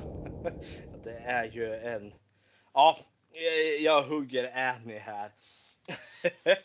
Eh, Annie Wilkes, sjuksköterskan här, eh, som tar hand om Paul. Eh, första gången vi liksom får träffa henne, liksom, ja, vi, vi, får ju se henne när hon liksom gräver ut honom ur bilen, ur vraket där. Eh, bara där får vi liksom en indikation över hur kraftig, alltså det är en stark kvinna slog det mig. Liksom hon, hon hojstar ju upp eh, Paul här liksom på axeln och sen pulsar hon igenom snön och innan där så har hon böjt upp den här dörren med en kofot. Sen får vi ju se alltså när, när Paul kommer ut liksom ur, ur, ur drogdimman där så möts vi av en ganska eh, det, det, är de enda gånger, jag, undrar om det här inte var ett, ett filmknep ändå. För när vi möter henne, liksom, rummet är ganska ljust. Och så får vi liksom en närbild på Annie. I'm your number one fan eller vad hon nu säger. Uh, och vi får se, och, och då är hon klädd i ganska ljusa kläder. Det är lite där liksom en sjuksköterska, det är ett ljust rum och det är liksom ljusa kläder. Vi ser det här korset som hon har kring halsen. Uh, för i övrigt sen så kommer hon vara klädd i ganska mörka grå kläder eller mörkgröna kläder. i det absolut första, då är hon lite mer ljusklädd för att kanske ge lite mer av ett hopp. Uh, och hon framställs ju relativt rimlig precis i den absoluta början. Men samtidigt finns det något där som känns lite off. Eh, Redan när man såg den första gången, när man har sett om den då börjar man ju liksom se, alltså börja lägga ett pussel. Vad är det? Alltså hon, hon har ju någon form av metodik i sitt vansinne. För, för hon pratar ju om att ja, men vägarna är igensnöade, eh, telefonen funkar inte och du, vi måste vara här liksom, för det finns inga andra alternativ. Precis i absoluta början så är det liksom ingen varningsklocka som ringer. Men ganska snabbt går vi över i det att liksom vart efter hennes lynne liksom avslöjar henne i stort sett. Annie för mig är en sjukt obehaglig människa för hon. Jag kan inte läsa henne. Eh, jag, jag, kan inte. Jag kan liksom inte förutspå henne. Eh, jag tänker om jag hade mött henne i verkliga livet så är det en sån här person som jag ganska snabbt skulle vilja liksom avlägsna mig ifrån. Det är en person jag inte skulle vilja liksom lära känna. Det är en person jag inte skulle bli vän med på Facebook eller någon som jag absolut inte skulle ge mitt telefonnummer till. För den här är en människa som jag inte vet vart jag har. Och det är snarare det som jag tycker är obehagligare innan mördaren Annie Wilkes kommer till. För jag känner att jag har mött sådana här människor där jag liksom bara, äh, något är inte som det ska vara. Ja, initiala tankar kring Annie Wilkes här. Jag, jag ger bort ordet här. Vad säger du eh, Patrik om Annie? Alltså, Annie Wilkes Ja, för, den, för den som inte vet det så jobbar jag med, med att sälja saker över nätet och även träffa folk. Så jag är försäljare då. Och personer som Annie Wilkes, skrämmande nog så har jag träff, mött sådana personer som beter sig ganska exakt så. Jag tror alla som jobbar i butik eller står på biblioteket eller liknande möter folk som säger Åh, jag är din största eh, ditt största fan, fast i det här fallet då är jag din största kund. Eller vad, vad det nu kan vara. De har en viss vibb, den där typen av människor, som att skulle jag lämna ut telefonnumret då skulle det ringa en gång om dagen dit. Och det vet jag att flera, flera jag känner som jobbar i typ kundtjänst eller tar emot bokningar. Det är folk som ringer dit och ska boka inom stationstecken men i själva verket skulle behöva ha en samtalsterapeut. Och den här Annie hon har ju låtit det gå längre för jag tror att hennes isolering ifrån alla andra och så här, det, vi, vi, kommer väl till det, det finns ju en förklaring till att hon är så isolerad. Ehm, den isoleringen har liksom gått över till att hon lever i sitt lilla luftslott som ingen annan eh, känner till. Liksom. Det är lite som eh, jag tänker på Ryan Reynolds i The Voices. Han lever i sin egen, sin egen bubbla i sitt huvud. Eh, så, mm, jag, jag, kollade på den idag som vi ska prata om den i podden. Där eh, det var liksom om hon, hon kanske har slutat ta mediciner för sin jag vet inte vad, jag är ingen psykolog så jag kan inte sätta en, en, eh, en diagnos på vad hon har för typ av sjukdom. Men hon kanske inte tar några mediciner för det och då får hon de här Antingen är Paul den underbaraste människan i hela världen som hon ska ta hand om och tjotta hit och sen säger det bara slopp ner och då ska hon ta livet av sig och honom tillsammans bara för att. Och sen att hon verkligen har levt sig in i att ja, men Misery, det, hon existerar. Jag menar hon, vad är det hon kommer in med? Är det någon strykjärn eller träpåk eller vad det är och slår honom när hon har uppfattat att ja just det, Missouri dör. Nej, det, det, hon, först bränner hon ju manifestet. Det här med träpåken och släggan. Det kommer ju efter att hon har upptäckt att Paul har varit ute eh, ur rummet. Ja, hon slår ju honom med, med någonting när ja, hon har läst ja. färdigt det. Ja, just ja. Hon, hon tar ju... Det, det, det är då det tiltar totalt. hon tänker väl, det är väl en kruka som står i någon upphöjd träpelare av något slag. Hon håller ju liksom på att slå in skallen på Paul där och då från i sånt raseri. Men hon tyglar sig i sista sekund och bara slår den i väggen istället. Så den går i tusen bitar. Ja men precis. Alltså, jag tror att, nu är inte jag heller någon psykiater, men jag tror att Annie Wilkes är det som förr hette manodepressiv, kanske numera bipolär. Alltså hon har det här, hon är så jäkla god och varm och trevlig när hon är på bra humör. När hon är på dåligt humör så blir hon en direkt livsfara, alltså då är hon ju eh, beredd att begå mord. Och det är just det där spannet däremellan som blir så otäckt och som gör henne så svår att läsa. Det är nästan att föredra att någon är jämntjurig jämt än att det är på det här sättet som det är med henne. Jag, jag satt liksom, nu när vi är inne lite på alltså, vad är det som är eh, Annie Wilkes problem? Vad, vad är det? Jag satt här och funderade liksom nu när jag såg den här filmen om man liksom skulle försöka. Det skulle vara kul att se någon sån här ibland ser man lite på Youtube liksom psykologer och folk som diagnostiserar. Jag skulle vilja se någon som en filmpsykolog eller någon psykolog som ger en diagnos på Annie Wilkes. För jag är nog väldigt med liksom där hon, hon har någon form av bipolär grej utan att riktigt vara alltför insatt i vad, alltså hur bipolär funkar. Men jag tänker hon är en kombination av väldigt mycket. Hon är ju en stalker också. Eh, för hon har ju bevisligen flyttat dit till, eh, till Silver Creek för att vara nära Paul Sheldon. Och hon säger ju i något tillfälle att hon brukar liksom ibland pulsa ut där och sitta och titta liksom på hans stuga på avstånd och se ljuset där. Och det säger hon liksom bara i förbifarten. Om man liksom, det, det där lät lite obehagligt. Vad, vad sa du nu egentligen? Ja. Men sen. Eh, hon är socialt. Hon är ganska socialt handikappad tänker jag också. För hon är en sån där märklig människa som inte riktigt... Eh, hon, hon klarar inte riktigt det här sociala spelet. Dels för att hon har de här jättehäftiga humörsvängningarna. Och de får hon ju i regel när någonting går emot henne.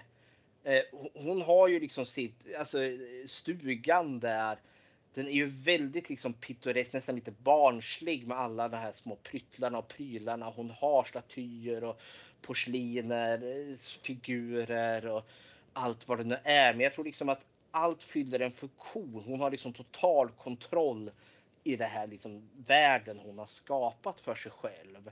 Och när något går emot, liksom, när, när, liksom, när Paul rättar henne första gången, man ser liksom att det bara liksom det, det svartnar till en liten sekund och sen liksom kan hon komma tillbaka. Mm, mm, mm okay. Men sen, för som senare när hon vill att han ska skriva den nya boken som det här med pappret, liksom det, det kletar. Och det liksom, jag har ju köpt det dyraste pappret, men det kletar ju. Han visar, ja det kletar ju, bläcket kletar, jaha. Men då tar hon jätteilla vid sig ungefär som att hon, hon riktar ju kritiken mot sig själv. Att här har jag som har varit så duktig och så snäll och jag har gjort så mycket gott. Och så, ah, hon blir ju skitarg och sen tar hon ju den här luntan papper och bara kastar det rakt ner i Paul Sheldons knä där då. Eh, trots att hans ben är ju brutna så han får ju jätteont. Och jag tänker att det där liksom. Mm, det är, liksom, hon är så överspänd liksom, men har liksom ett sånt enormt kontrollbehov.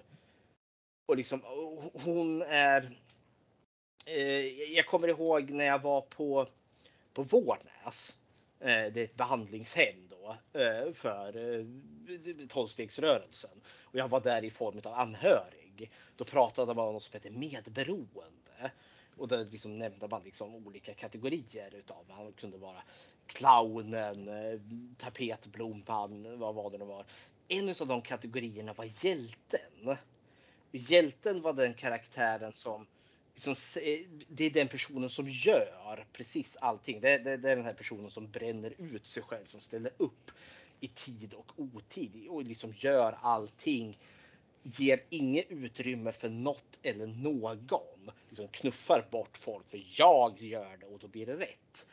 Jag upplever att Annie har någon form utav det här För allt sker på hennes villkor. Och det är därför eh, också hon har isolerat sig från omvärlden. Inte bara för att hon vill ståka på Paul Sheldon. Eh, för att i hennes lilla stuga med sin gris där så kan hon leva sitt liksom perfekta liv. Och sen gör det väl till också att hon är misstänkt för typ ett x antal mord och det försöker väl hålla sig undan allmänheten också såklart. ja, tankar jag hade kring Annie. Nej men precis. Det, och, och, som på detta då så finns ju också den här depressiva sidan av henne. Jag vet inte om ni minns det, men hon sitter ju där eh, när Paul sitter och skriver på den här tredje, eller tredje den här, ja, ytterligare romanen då. Så kommer hon in och är så apatisk. Mm. Och är, eh, säger att så här, med besläpande röst att ja, men jag, blir så, jag blir så ledsen när hösten kommer. Det mm. känner man verkligen det här manodepressiva som finns. Och det, det tar ju boken faktiskt då, om vi bara ska nämna den, tar det ju ett steg längre. Då kommer hon in och har så glassrester och matrester på sig i ett helt annat skick. Jag tycker ändå att Kathy Bates här, hon ser ju aldrig ofräsch ut på det sätt som gör gällande i boken då, att hon verkligen så här, låter bli sin egen så här, hälsa och sin egen hygien, att hon är helt liksom helt förtappad bitvis i boken. Eh, så att det blir ännu tydligare där då att, att hon har den här depressiva sidan av, av myntet också. Förutom då att hon är väldigt trevlig och väldigt farlig så har hon också den här väldigt apatiska sidan. Men jag tänker det finns också precis i den scenen hon visar ju pistolen och den är oladdad. Hon gör också en poäng innan hon går där och säger liksom ett hot, ett indirekt hot till Paul där. Att jag går nu. Hoppas eh, att jag inte laddar pistolen. Alltså återigen, hon kontrollerar situationen liksom. För hon, hon styr ändå så liksom känslan. Hon vill liksom jävlas med Paul trots att hon själv må pissdåligt i, i detta där och då. Eh, jag, jag, tror det spelar in återigen att hon har ett abnormt kontrollbehov. Men sen tänker jag också att hon, hon lider av vansinnesföreställningar. Alltså hon, hon har hon har gjort den här fantasivärlden. Alltså hon, hon har ju levt in sig så in i helvete i Misery-böckerna men sen får vi ju det, liksom, kanske framförallt mer närmare slutet när hon börjar prata om att Gud har ju pratat med henne. I absoluta början när hon säger det första gången, då tänkte jag att det här är en del i hennes spel. Eh, men sen efter mordet på sheriffen så säger jag nu har hon förstått hur det ligger till. Alltså hon, eh, Gud har gett henne Paul och hon ska nu Eh, eh, vad heter det? Mm, eh, nu ska de dö tillsammans. Det, är liksom, det här är Guds plan på något vis och vänster. Och då tänker jag liksom att hon har Alltså hon, hon har en förvriden syn på verkligheten som inte funkar överhuvudtaget. Och samtidigt är hon så pass intelligent och fungerande att det här är liksom inte en människa som man skulle liksom tvångsvårda direkt. För hon, hon funkar i ett någorlunda socialt sammanhang i alla fall. Men eller om vi har nått någon brytpunkt här i slutet kanske och det har totalt tiltat över i någon form av psykos som får henne att sväva ut i något alternativ värld. Nej, Annie är sjukt fascinerande. Vi kan sitta här och hobbyanalysera henne. Jag får den där känslan av att eh, när hon säger att Gud har, har pratat med henne, liksom att skriva de här böckerna vidare och, och så vidare. Jag får lite den här att lite så här Fritzl-vibben av henne då. Alltså hon, hon är bevisat det redan innan där hon håller fast honom givetvis, men att hon gärna skulle nog hålla kvar ännu längre, liksom att låta de här böckerna fortsätta i all evighet, alltså ha kvar Paul där eh, så länge det verkligen går. Nu, nu fattar ju alla liksom att det är hennes plan, där, men det blir verkligen som att det har slagit henne då att äh, men här kanske jag faktiskt skulle kunna hålla kvar vid det ännu längre. Och ta cred för det. Mm. Ja, men jag tänker, det, det finns en tragedi kring henne också. Eh, som också kanske gör henne så att hon sticker ut sådant. För liksom, hon säger, alltså, hon säger ju till Paul till för I love you. Eh, jag älskar dig. Men hon förstår också, hon säger men jag förstår att du inte älskar mig. Jag känner alltså någon del av henne är hon så medveten om att hon, hon har nog ganska dålig självkänsla egentligen. Hon är ganska stor. Hon, hon säger väl själv att hon liksom inte är någon sån Hollywood-snygging. Eh, hon har väl också känt av sitt utanförskap på ett eller annat sätt. Men jag tänker liksom att hon har ett behov, en vilja av att vara viktig, betyda någonting. Hon läser ju in sig så mycket i den här mystery-karaktären som är någon form av 1600-tals Eh, adelskvinna om jag tolkar det rätt. Eh, och liksom hon, hon, liksom hon lägger sin egen person och drömmer in i den här karaktären. Så därför är det så viktigt för henne. För hon, hon är ju väldigt proper och må, mån om att liksom vara men man ska inte svära, man ska liksom säga eh, nedrans typ. Det är liksom det värsta hon säger. Bortsett från när masken spricker när hon blir upprörd. För då kommer ju alla svordomarna där. Så jag tänker liksom att hon, hon vill vara viktig. Hon vill vara den här vackra, fina liksom adelskvinnan som hon läser i de här böckerna. Men under allt det här så, så finns det här, liksom det här helt okontrollerbara raseriet hon har. Eh, ja, komplex karaktär. Jo, men Uh, samtidigt det här med när Paul uppe, nu får ni rätta mig om ni redan sagt det när jag var iväg där en sväng, men eh, när han är ute på ett av sina äventyr här från, eh, från sängen så hittar han ju den här boken där med massa klipp. Mm. Och där framgår det ju att hon har, eh, ja, hon har ett ganska mörkt förflutet där också. Med att eh, det är faktiskt några andra som har strukit med i hennes väg. Som eh, kanske har jobbat, eh, haft någon position över henne och så vidare.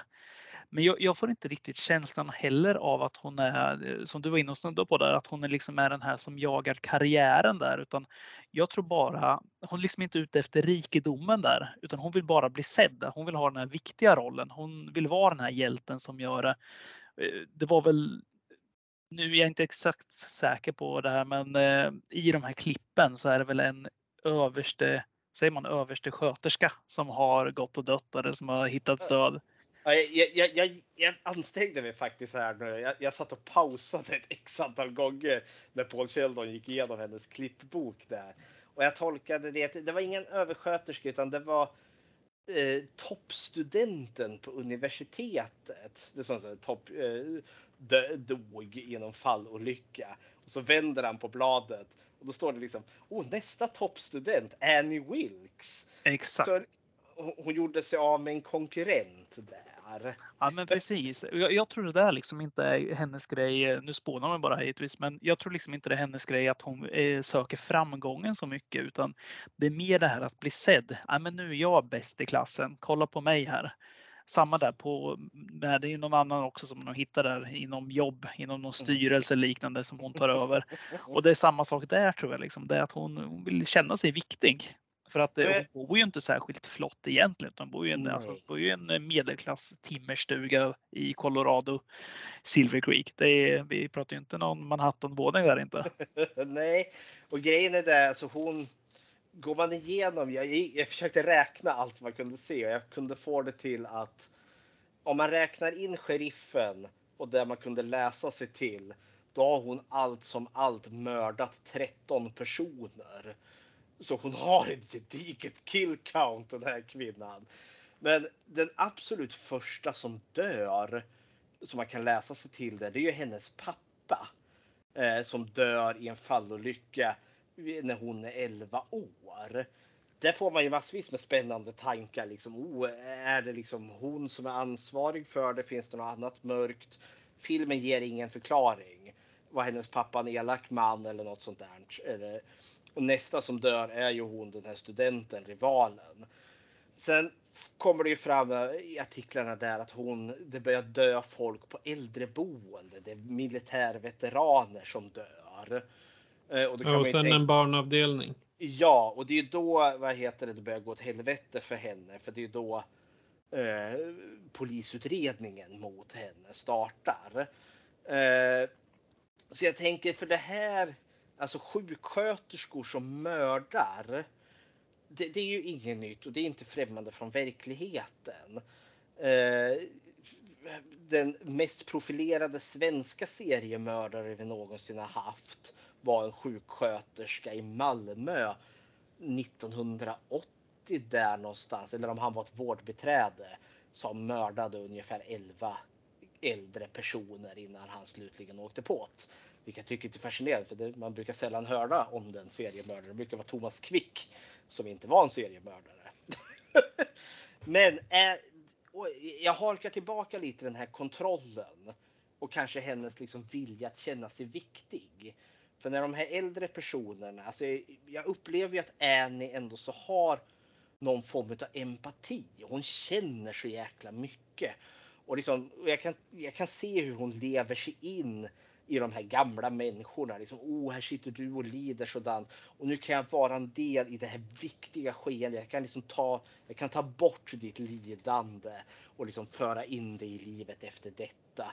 Och jag kan tänka mig att hon tänker något liknande med de här barnen. Liksom, oh, det är en sån hemsk och vidrig värld. Nu ska jag befria dig från liksom, ett värld av lidande. Och att hon ser sig själv som viktig. Hon, hon, blir en viktig person när hon tar de här människornas liv. Eh, för jag tror inte liksom att hon mördar folk för att hon liksom, haha, jag gillar mord. Den enda som hon verkar ha mördat för någon form av vinningsskuld det var hon den där studenten som konkurrerade mot henne. Eventuellt hennes pappa då, om han har varit en elak person eller inte. Så, Sverige ja. har ju faktiskt haft en eh, egen eh, eh barnamörderska. Eh, det har ju änglamakerskan Hilda ja. Nilsson. Hon är ju äkta vara. Hon gjorde precis samma som det Anne Wilkes gör. alltså hon gjorde väl lite mer för ekonomisk vinning har jag för mig. Ja. Anne det... Wilkes gör väl det för njutnings skull. Mm -hmm. Vi hade ju han eh, Donald Harvey i USA. Han var väl känd som Angel of Death har jag för mig. Som mm. hade ihjäl 80-90 pers där någonstans. Då har vi Dr. Harold Shipman i Storbritannien. Han kan ju eventuellt vara den mest profilerade som kan ha över tusen personers liv på sitt samvete. Jag funderar här, när vi, hennes utveckling liksom som hot i den här filmen hon är ju ganska quirky i början med eh, liksom rejäla humörsvängningar. Och liksom hon är kontrollerande och är hon farlig eller inte. Alltså det här när vi inser att hon är en mördare, en seriemördare till råga på allt. Alltså, hur tyckte ni liksom eskaleringen utav henne som ett hot? Hur tyckte ni det funkar? Eh, nej men precis som du säger Fredrik, jag, jag har tänkt lite på det där också. Vi börjar ju med en ehm, eh, en kvinna som, som från början är väldigt varm. Och ja, det är klart att han, han har ju, vi får ju anledning att tro att Paul Sheldon är väck ganska länge efter den här bilolyckan. Han får ju den här hittepå tablett eh, Novril där. Jag, jag, vet inte om den är återkommande eh, i någon annan Stephen King. Jag för mig att vi har sett det tidigare, men det är någon sån här hitta på tablett som man blir beroende av då naturligtvis. Eh, och eh, ja, men det är klart, när han är ett kolli så är hon ju bara omhändertagande och sen är hon omhändertagande och den här humörsvängiga människan som sagt var som, som ballar ur för ingenting då. Sen så tycker jag att i takt med, vi ser ju då vad som händer med Annie Wilkes när, ja men, när Paul Sheldon identifierar en liten nål som ligger på golvet som han sen lite så här hårspänner då som han använder för att dyrka upp låset när Annie Wilkes är, är ute på stan. När hon åker sina ärenden med bilen till stan. Eh, eh, och är då ute åker i huset och man får se lite, vi har varit inne på det där, lite puttinuttjade porslinpingviner och sådana saker. Ehm, och diverse krimskrams. Eh, han blir också varse då att telefonen är helt ur bruk, att det inte finns någon telefon alls i huset där. Eh, när eh, hon kommer på honom, det är väl värt att, att, att, ta upp det här, för det är ju, det är ju trots allt en, en, en ganska så här, övergång i en Annie som man inser inte bara ballar ur och blir arg, utan att hon är kapabel till mycket värre saker. Eh, och, och, som sagt var, hon eh, identifierar ju då som sagt var att den här porslin, eh, när Paul Sheldon åker med rullstolen och slår i bordet så åker den här porslinpingvinen i marken. Man hinner fånga den i handen precis innan den slår i marken och när han ställer upp den på bordet så ställer han den med näbben åt fel håll. Så att Annie Wilkes när hon kommer hem har ju förstått att han varit ute och åkt i eh, huset och här har vi ju, eh, här har vi ju en, en, en Annie som övergår i ett annat lynne. Eh, vad säger du Patrik? Vill du ta vid lite där? Och, och eh, det, det, finns, jag tycker att det är en ganska tydlig brygga i filmen här, trots allt. Vad är det man ska säga? Det, det rinner över. För ända sen hon, eh, när man inser att hon egentligen inte kommer släppa honom någon gång så är det som en ta, ta, ta som här nu, det, jag har en vattentunna står vid odlingarna. Och när den är tom och det inte har regnat något, då får jag ta vattenslangen och hälla i. Eh, fylla på den för att kunna ta eh, med vattkannan. Då slänger jag ner slangen där i, för det är dåligt tryck i vattnet. Och så låter jag den rinna. Då kanske jag går iväg och tänker på något annat och helt plötsligt bara plums så är den full. Och det är så jag tänker mig hennes sakta nedgång i galenskap. Eller snarare sakta uppgång. För hon är liksom som en eh, sån här tekanna som börjar tjuta innan det väl är färdigkokat vattnet. Så att man, jag, för min del, jag tycker bara man ser hur det sakta men säkert stegras. Och ni vet, ja, men som på en volym eh, på en volymmätare. Liksom. Du ser att det börjar komma uppåt mot det fulla gröna och så blir det rött och där så tippar liksom allting över och hon blir väldigt modisk. Hur är, eh. känner ni igen den känslan? Ja, men, verkligen, det är, ju, det är ju så att hon eh, här, det, det, det är här eh, som sagt, jag vet inte om man skulle spara den till minnesvärda scener, men jag tror nästan att vi, vi får nästan så här, vi måste ta upp den här trots allt. För den är så signifikant och den är så, den är så, eh, den här scenen glömmer, den är, lite vi brukar prata om nyckelscener sådär som är som man kommer ihåg och här är ju en sån nyckelscen som skulle vara rätt så, så lämplig att ha just där. Men vad säger ni? Ska vi, Hoff, vad, vad, vad, vad, vad tycker du? Vad, vad säger du om, vad gör Annie Wilkes när hon upptäcker att eh, den gode Paul har varit ute och rullat i kåken? Ja, hon, eh, hon går in och sen eh, hon kör ju lite schysst utfrågning bara av, av honom. Eh, och sen beskyller honom för att varit ute och han förnekar ju allting givetvis. Och sen visar hon upp alla bevis hon har mot den, den här kniven som han har samlat eller som han har hämtat. Och sen åker det fram vedträt mellan benen och sen en slägga på varsin fot där på honom. Och han går inte mycket mer i sina dagar. Nej, den är fruktansvärd. Mm. Det är hobbling det kallas. Ja, hon, hon, säger att det kallas för hobbling i alla fall. Ja. Det här är ju ganska intressant. Alltså jag skulle faktiskt vilja ta upp just den här scenen, för den är ju väldigt eh, en klassiker så att säga i den här filmen. Men i boken så är det ju inte riktigt så det går till, utan där är det ju, jag vet inte, vad tror du Fredrik? Vad är anledningen till att man väljer att gå en annan väg i filmen? Eh, det är att få ner R-rating. Alltså boken är ju så mycket mer våldsam. Eh, dock så tänker jag faktiskt säga att eh, filmen gör det bättre. Hade man behållit det våld som boken porträtteras då hade vi rört oss i ett mer liksom väldigt mycket mer åt ett slasherfilmhåll. Vi pratar om tummar som huggs av och sätts mm. som mhm. ljus i tårtan som hon bjuder ja. honom på och så vidare. Det är ju, det förekommer inte i filmen. Nej, och istället för att krossa hans eh, fotknölar där eh, så hugger hon ju ena benet av honom med en yxa. Eh, för det brukar, kollar man på omslag, hon kategori, eller vad heter det, hon bränner hans sår med en blåslampa också. För kollar man mycket på de bokomslag, då är det ju gärna liksom kanske skuggan utav henne som håller i en dubbelbladsyxa. Eh, Medan kollar man på filmerna då är det ju alltid eh, Kathy Bates som håller i en slägga. För det är liksom det är liksom som är de ikoniska. För liksom i boken eh, som vi sagt att det är en eskalering. Liksom, först är det kniven, hon skär tummen av honom.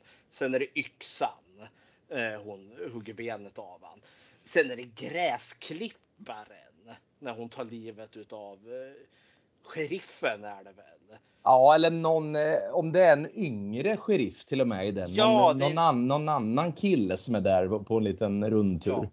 Ja. Det kommer jag också ihåg, för det så här, satt och lekte med tanken om man hade behållit det. För det hade inte passat, för det, det här liksom då verkligheten bryts, åtminstone i boken. För jag för mig där det, det är yngre, om det är vice sheriffen eller något sånt där. Hon slår liksom en påle i bröstet på honom och liksom bara, hon rycker en del av staketet och bara Aah! Och sen när han liksom ligger blodig och kryper liksom därifrån, då kommer hon ut med åkgräsklipparen och jagar i fattan där och bara kör över han så kroppsdelarna bara sprutar. Det hade varit en sån annorlunda film. Nej, precis. Och, nej, det hade inte alls funkat. Det hade liksom en del av mig vill ju visserligen se vice sheriffen bara försvinna in i gräsklipparbladen också. Men shit vad pajig den här filmen hade blivit då. Jag håller med dig. Filmens förtjänst är ju det här kammarspelet och det är lite scener trots allt som utspelar sig utanför huset som vi får följa i boken. Ehm, men då har du också rätt i det där just med det grafiska att ehm, den här, det, det blir ju trots allt mer minnesvärt och mer, vad ska vi säga, mer ehm, konstruktivt på något sätt än de placerar vedträt och slår av fötterna i fel håll med släggan. Ska också sägas att benen, Paul Sheldons hälsa är ju lite bättre i den här boken än vad den är i, film, äh, i filmen än vad den är i boken ska jag säga. För där får vi ju veta att Annie Wilkes har ju inte det har inte funnits så mycket att rädda av de här benen, så det vi har är liksom köttstycken med smulade benflisor i mer eller mindre. Här har hon ändå spjälkat upp honom ganska bra. Eh, och han kommer ju också kunna gå sen mot slutet, med, om än med en krycka. Så ja, men jag är nog inne på samma sak, att det ligger till filmens fördel att man har hållit ner på just de här grafiska våldsamheterna eh, ganska mycket ändå. Men jag, jag tänker eh, precis när vi är inne på det här med det grafiska och även hur hennes eh, nedgång i galenskap är. Jag tänker på den här andra filmen Fatal Attraction med Michael Douglas och Glenn Close. Jag får lite den känslan av Annie här, samma roll som eh, alltså Glenn Close nästan har där. Kommer ni ihåg den? Alla har säkert sett den någon gång. Ja, ja. Koka kaninen där. Ja, precis. ja, men det, och den är också så här, alltså hon eh, går ju också från att vara en ganska normal person, om en eh, lite obehaglig kanske, till att bli den här alltså totalt batshit crazy. Mm. Dels som kokar kanin och sen, ja, sen kommer knivarna fram också. Då. Men eh, jag tror att det ligger mycket vinning i att göra så för att annars får vi som sagt den här slasheraktiga filmen. Det hade blivit en helt annan typ av film. Mm. Det, jag tycker att det här psykologiska kammarspelet, alltså thrillerkammarspelet blir betydligt bättre. Det passar sig bra mycket bättre i den miljö vi är i.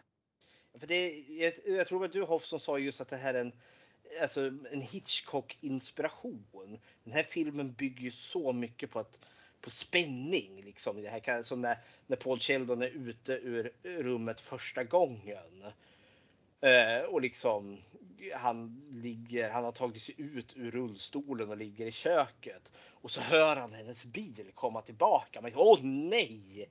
Och liksom han måste liksom i panik ta sig tillbaka. Och man liksom klipper fram och tillbaka liksom. Mellan att hon eh, går där och han måste liksom rulla. Så det är det som är liksom spänningsmomentet i den här filmen. Och just den här hobbling scenen när hon slår sönder hans fötter. Det är så mycket som bygger upp. Alltså det är liksom Eh, sättet hon pratar, den klassiska musiken som spelar i bakgrunden. Och liksom, man förstår liksom när, när hon tar det här vedträdet och bara lägger det mellan hans ben. Redan där har ju vi som publik förstått vad som komma skall. Och jag tror det är där den här filmen bygger upp på istället för att liksom bara visa rått jävla våld. Sen kommer ju alltså när hon väl slår foten av han. Det är ju över på ett ögonblick. Men den lilla scenen, den fastnar ju liksom. Benet som bara, eller foten som viker sig åt fel håll. Alla skrek nog i högan sky när man såg det första gången. Ja, men så jag håller helt med dig också. Just eh, den här Hitchcock-biten med alltså mycket detaljer. Det är ganska mycket närbilder. Dels har vi den här närbilden i början när Annie presenteras. Hitchcock mm. körde ju väldigt mycket med ansiktsuttryck på sina skådespelare. Sen har vi de här trappstegen som du var inne på också där vi liksom filmar vi ser Annies eh, fötter röra sig upp för en trapp i jättenärbild. Mm. Så byter det till det här eh, lås, eh, dörrlåset. Jättebild där, liksom att det rycks i, det handtaget och han sitter i sin rullstol det, och det blir den här lite hetsigare musiken, mycket stråkar som går snabbare. Och det är ju en lite äldre typ av spänning. Alltså vi ser det sällan idag, tror jag. Nu förväntas det byggas upp på ett helt annat sätt. Det här är liksom old school spänningen. Jag föredrar den. Jag tycker den funkar väldigt bra. Mm. Eh, och Rob Reiner är nog, utan att veta så skulle jag nog klassa honom som en äldre skolans regissör där. För att samma sak när han gjorde Stand By Me så har ju den boken bra mycket mer grafiskt innehåll än vad filmen har filmen har det i stort sett ingenting där med det här liket som finns som de är på jakt efter. Blodigen möjligtvis också då. Ja, ja, ja det är Den är minnesvärd. Ja. Och det, alltså Stand By Me kan du se som liten. Det är ju ingen, det är ingen otäck film i sig. Men eh, boken är ju betydligt otäckare än vad filmen är. Jag vet, den här liksom, de obehagliga moment. Dels är det ju den här spänningen, men annars en obehaglig, åtminstone som jag tyckte, det är precis det här innan eh, innan vi får, alltså innan hon slår fötterna av han eh, så ligger ju han och sover. Vi har ju sett han har liksom gjort upp planen, kniven där under. Och det, det, det är natt, det, Oskar går och han vaknar upp och så slår liksom, tittar han liksom i mörkret och så kommer blixten. Och då är det bara liksom en, liksom en, en stor närbild på Annie Wilkes ansikte och man ser liksom hur Alltså det finns ingen välvilja i den liksom blicken. Det är ingen jump scare eller något sånt där, utan det är liksom bara den här obehagliga känslan av att liksom, ja, men du vaknar i mörkret eh, och liksom tittar i det här drömska tillståndet och ser att det är någon som står där och tittar på dig. Och hur länge har du stått där och tittat? Det är frågan. Ja, och, och så sticker ju hon honom med någon form av spruta som drogar honom. Och man undrar också, och varför har det känns som att hon medvetet har stått där och väntat på att han ska vakna för att få den här. Hon medvetet vill skrämma honom. Eh, något jag, vi var ju lite inne på boken här eh, och skillnaderna. När hon dör i sista striden mot henne.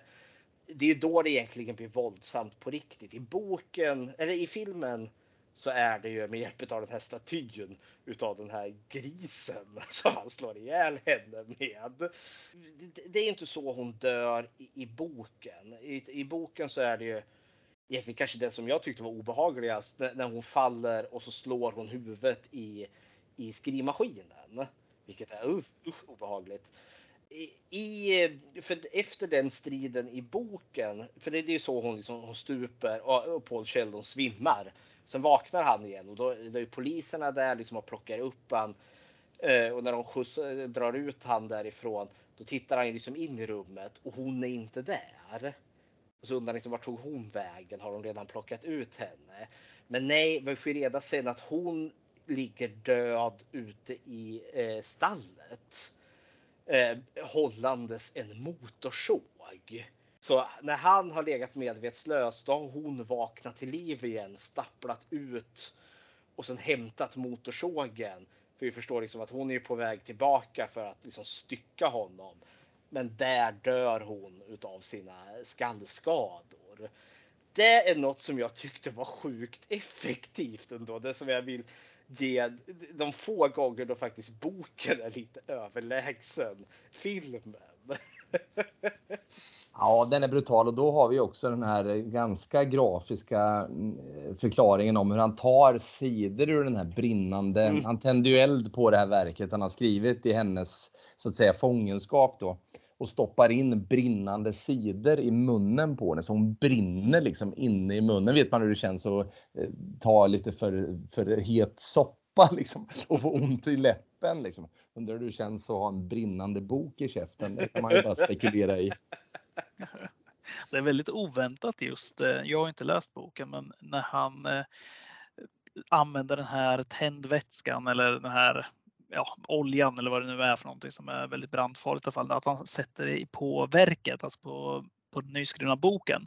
Mm. Just för att fånga hennes uppmärksamhet. Det hade det varit en, någon annan film där, det tror jag ni alla köper, då tror jag man tror att det där kommer han spruta ner henne med. Liksom, eller fylla upp. Jag var hela, första gången jag såg det trodde jag att det här glaset som man kommer in med, den här champagnen, att han liksom skulle switcha där och hälla upp den här oljan och sen kasta på henne och tända eld på henne. Mm. För det var, man har sett lite för mycket Bondfilmer och liknande sånt där händer. Eh, och det här var ju liksom det sista jag skulle kunna tänka mig. Men när man blir äldre och sen så förstår man ju liksom den här galenskapen och den här säger man åtrå liksom hon känner mot det här eh, det här litteraturverket som man har liksom skapat precis. Och att det är liksom hennes bebis, att det är det hon måste skydda till vilket pris som helst och bara kasta sig över. Så att, nej, jag tycker det, det är lite så kreativt ändå. Han vänder ju lite, liksom, hon, hon har ju förnedrat honom så många gånger här. Och liksom, han är ju fortfarande i ganska kraftigt underläge. Och är, är det inte också lite en sån här en liten känga av liksom så här toxic fandom ändå. För liksom hon, hon är för fokuserad liksom när boken brinner upp. Hon ska få reda där sista sidan. Och vem ska eh, gifta sig med Misery? Och nu brinner det upp och hon liksom ah! Så liksom faller ner på knä och då tar hon ju skrivmaskinen och bara splatt i huvudet på henne. Så det är liksom. Ja. Eh, eh, det här har jag också för mig. Nu blir det lite så här, alltså, kuriosa boken innan Stephen King hade skrivit, det var ju den här Drakens ögon, Eye of the Dragon eller vad den heter. Hans första typ fantasy-saga. Eh, den är ju inte skräck överhuvudtaget, utan den var ju liksom mer gjord. Det var faktiskt hans dotter eh, som då var barn som inte tyckte om hans böcker och sa jag kan du inte skriva någonting som jag kan läsa. Jaha, och då skrev han då en fantasy-saga. Och när den lanserades då fick han så mycket skit för det här. Det här är ju inte rätt och bla bla bla. Och liksom många liksom Stephen King-fans som tyckte liksom som skulle läxa upp Stephen King för att han inte skrev som de ville att han skulle skriva.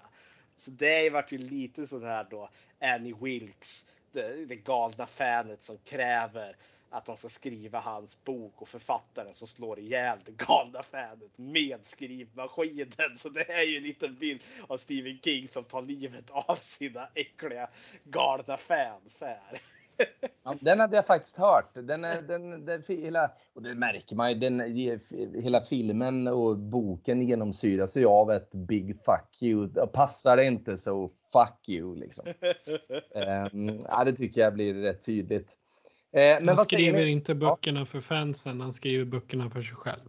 Mm. Absolut, absolut. Och jag tror att många med krea, alltså många kreativa personer oavsett om du är konstnär, författare eller musiker eh, så tror jag att det kan vara rätt frustrerande att du suttit och skapat någonting, lagt ner hela din själ i något, så sitter folk och bara tycker. Mm. Tycker vid sidan av. Jag kan bara tänka mig in i att det måste vara rätt frustrerande liksom. Och dessutom tar du dig frihet att tycka att jag borde gjort något annat. Så här. Vem är du att säga det åt mig? Um, jag, jag, tror många så här, i synnerhet liksom, när man har hoppat då, som man gör här till en annan genre också. Man är inte van att, att läsa fantasy utan han ska skriva skräck. Ehm, men vill han skriva fantasy så får han skriva mycket fantasy. Är det någon som har förtjänat sig rätt att skriva vad han vill så är det Stephen King. Jajamän. platserna och miljön.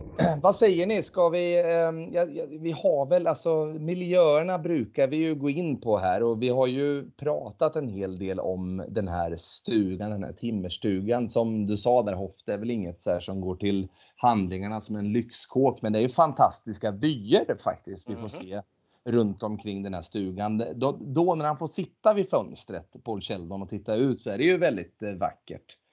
Eh, och, och jag tycker hela den här miljön också är hans egen stuga där vi får se i början av filmen. Där han inte ett ont är stalkad då av Annie Wilkes nere på slänten där. Det är väldigt fina miljöer i filmen. Eh, vad tycker ni där? Men det är ju. Det är ju Colorado liksom. Finns väl en anledning till att många sticker dit. Det är ju skidresort. En av de stora i USA. Det vet vi ju efter Dum Dummare. De sticker till Aspen. Aspen. Mm. Så nej, men det, och det, det, ser ju för jäkla trevligt ut. Men, och sen är det ju den här lilla småstaden, alltså den här sömniga småstaden som alltid finns med i Stephen King berättelser. Det, den sticker ju inte ut mer än någon annan än Maine eller vilken stad vi än är i. Liksom. Det är alltid samma. Vad hette den som vi var i Silver Bullet nu senast? Det är oh. liksom, ja, jag kommer inte ja. ihåg vad den heter den här staden, men det är liksom samma typ. Det, det känns som att det kan bo kanske så här 2000 människor där på sin höjd utspritt ja. runt om. Liksom. Det finns en av varje. Det finns en liten post, det finns en polis, en brandman och så vidare. Det liksom, alla känner alla. Som man inte ska bikta sig hos. Nej men eh, jag, jag gillar, alltså det är jätteputtrigt och mysigt. Jag, jag, skulle vilja bo i den där stugan som Paul Sheldon sitter i i början. Det är så drömskt. Eh, Sen sagt, det utspelar sig ju typ under vintern. Jag tolkar det liksom januari fram till mars eller något sånt där. För liksom snön har smält bort i stort sett när, när vi närmar oss slutet. Eh, det är också en sån här liksom smart grepp för att få liksom the passage of time, liksom hur länge han har varit där. Jag är jättesvag för skräckfilmer som utspelar sig i snö. För jag tycker att det gör sig så väl och det är ju en del i hans isolering. Alltså han kan ju inte direkt, liksom, även när han liksom har nyckeln, han kan lirka upp dörren.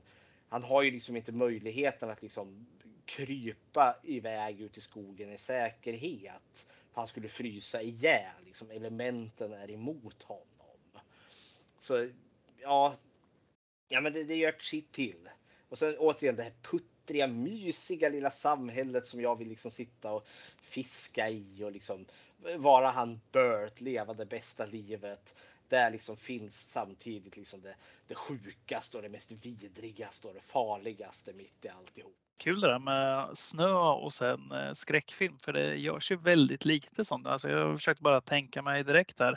Men jag kom på den här 30 Days of Night kommer till, eh, till minnet direkt, den här vampyrfilmen. Men annars eh, står det ganska still. Det The finns Thing. Ja, den är ju fruktansvärt bra, Carpenter-filmen. Och även den gamla också för den delen. Men jag kom på, på att tänka på det när vi pratade om han Vincent DeSanti som gjorde den här Never Hike Alone, den här mm. fanfilmen för fredag 13. Och han var inne på exakt samma sak där, att det finns för få skräckfilmer i snö. För att just, det, det är sjukt att man säger liksom något positivt, men blod och snö går mm. väldigt bra hand i hand för att det blir så bra kontrast där och det, det chockar på ett bra sätt. Och det, det, får vi faktiskt inte i den här filmen, just snö och blod på det sättet. Men eh, känslan finns ju lite där hela tiden att det skulle kunna hända. Sen, sen är det, det, det är otacksamt att spela in i snö. Snö liksom, trampar du i det, har du lämnat spår. Eh, blir det uppehåll i inspelningen, ja då har det kanske smält. Eh, jag har ingen snö. Det är väl därför ja, men det är liksom summer camps. För det, spelar man in det på sommaren eller på hösten, ja då är det ju inte så beroende utav klimatet. Eller så gör man som Stanley Kubrick i The Shining, bara typ, vad är det, 30 ton salt eller vad det är. Det finns inte en snöflinga i den snöfilmen utan det är salt. Det ser kallt ut ändå. Det gör ju det. Mm. Nej men eh, verkligen, jag kan bara instämma. Det är ju, det är ju eh, precis bra grepp det här med att vi har en bil, hans bil när han har kört av vägen som är helt bortsnöad, den finns ju inte. Men sen när våren kommer så blir den mer synlig och, och hennes verk eller värv blir också mer synligt då, i takt med att eh, våren kommer där. Nej, men den är spännande. Vad säger du? Har du något att tillägga där eh, Patrik om eh, miljöerna eller tycker du? Ni har sagt nästan allt. Jag var på väg att nämna det här med Kubrick och saltet, men annars så. Det här är. Jag är precis som på eran att snö och blod, det går alldeles utmärkt ihop. Vad säger ni? Vi brukar ha ett litet segment där vi pratar om minnesvärda scener på gott och ont också. Minnesvärda scener. Och jag tänkte faktiskt vara så ofin trots att vi har er som gäster att jag tänkte börja med att ta till orda om det går bra. Det är ju en scen där, eh, ja men Paul Sheldon är ju då djupt satt under eh, någon form av eh, smärtstillande preparat som de kallar Novril. Som eh, Paul Sheldon märker också gör att han blir väldigt, väldigt, eh, liksom får väldig abstinens och blir väldigt beroende av de här eh, tabletterna. Så att han börjar ju spara de här i, han, han tar sig ur det här i boken är det ett mycket längre passage där man brottas med det här så att säga missbruket som han har hamnat i då. Men även här i filmen då så börjar han lägga dem åt sidan de här små tabletterna. De här tabletterna sen tömmer han ut in, det är små kapslar med det, med det här innehållet som han tömmer ut då i en liten, liten eh, pappers, ja, men han har gjort en liten sån här pappers eh, liksom hållare av det här. Och eh, sen lyckas han ju då få till det som att han ska fira då den här nya eh, skrivna romanen som han håller på med och eh, ska då bjuda Annie Wilkes på middag på kvällen. Eller ja, det han säger är att de ska äta middag så det blir Annie Wilkes som får bjuda honom då. Och då tömmer han i det här preparatet som han har samlat ihop av de här oändliga Novrid-tabletterna i hennes vinglas då. För att eh, däcka henne med hjälp av detta då. Men så av lite sådär misstag så lyckas hon eh, eh spilla ut det här vinglaset och så, så tyvärr så blir det inte mycket mer med den här nedsövningen av henne som man hade tänkt på. Men jag vet att jag reagerade på eh, James Cans eh, skådespel skådespeleri här när hon spiller ut det här vinglaset. Och man ser liksom luften går ju ur honom lite grann men samtidigt så får han ju inte visa henne att han är så djupt besviken så att han spricker upp i ett leende till henne. Alltså när hon fyller på ett nytt glas då som inte innehåller sömnmedel mer eller mindre.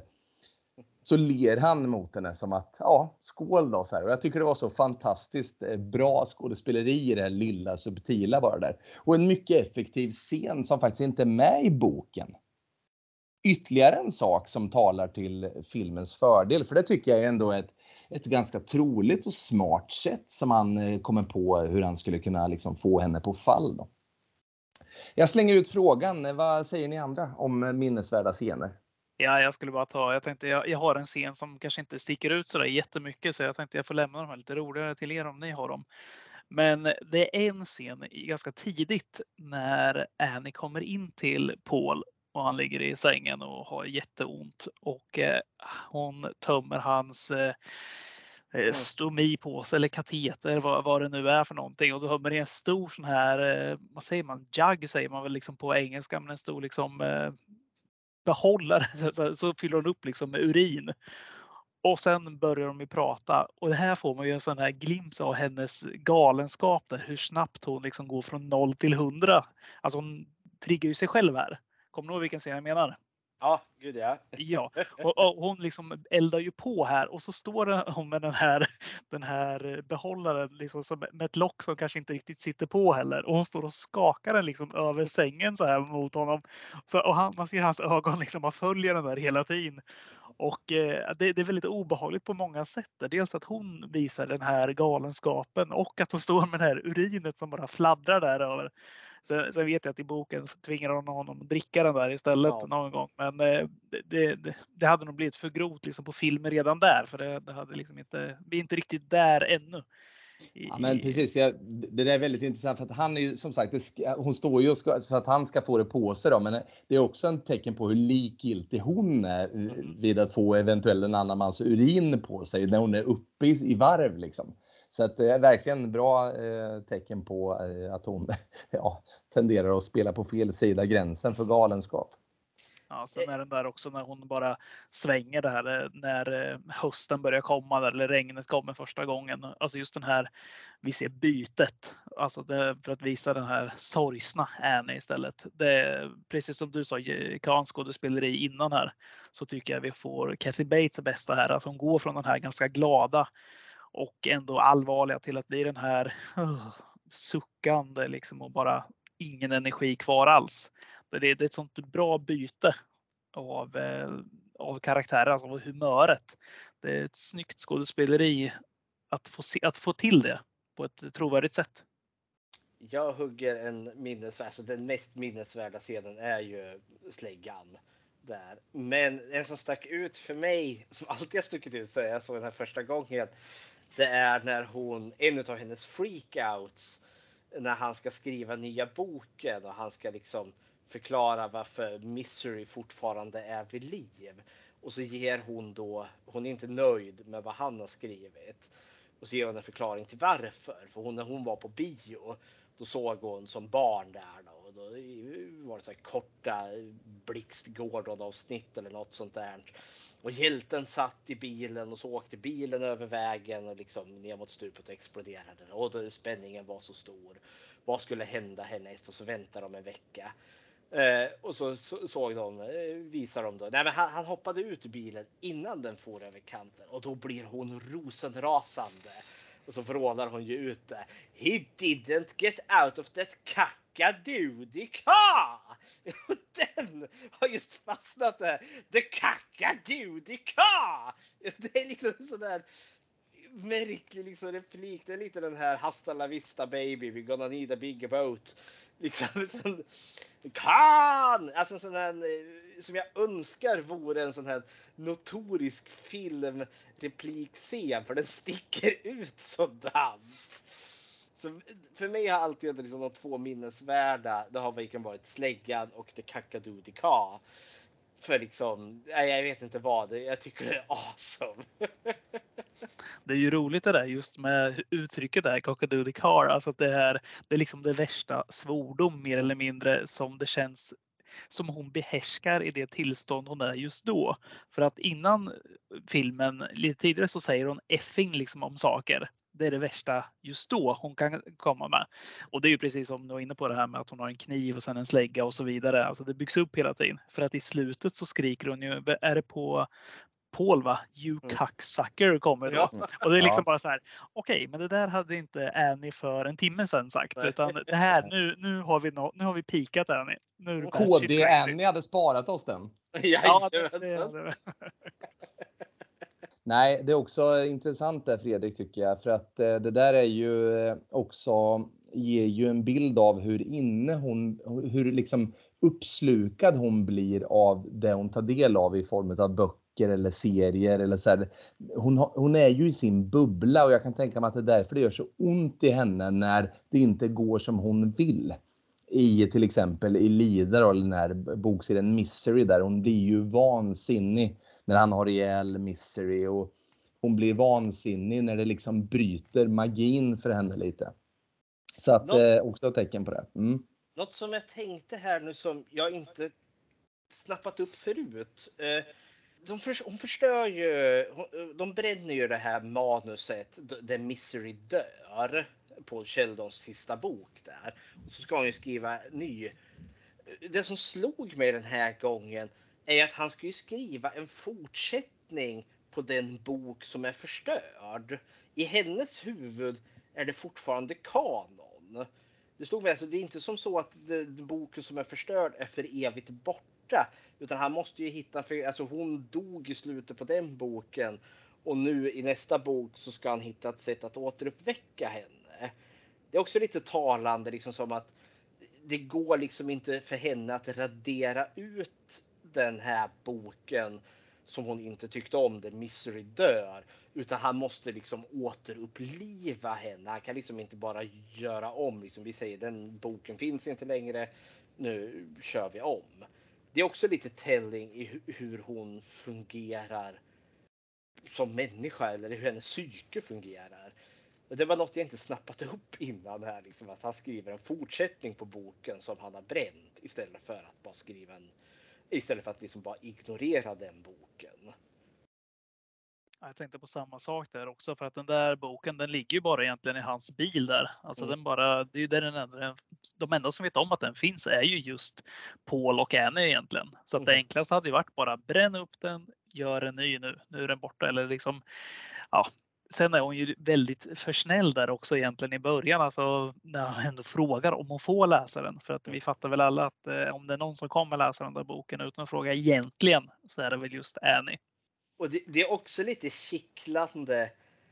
För det känns eh, så långt in i filmen när hon står där och är lite snäll. Liksom, och kan jag och eventuellt. Eh, för det känns lite som att om han faktiskt hade sagt nej. Då tror jag kanske inte att hon hade läst den. Och hade vi då sluppit allt det här. Hade hon lämnat tillbaka honom. Hade det här dramat inte utspelat sig. Om hon inte, eh, ja, eller, eller var han redan fast i fällan så fort han kom in i huset? Liksom, hade det kunnat fått något form av lyckligt slut om hon bara inte hade läst manuset?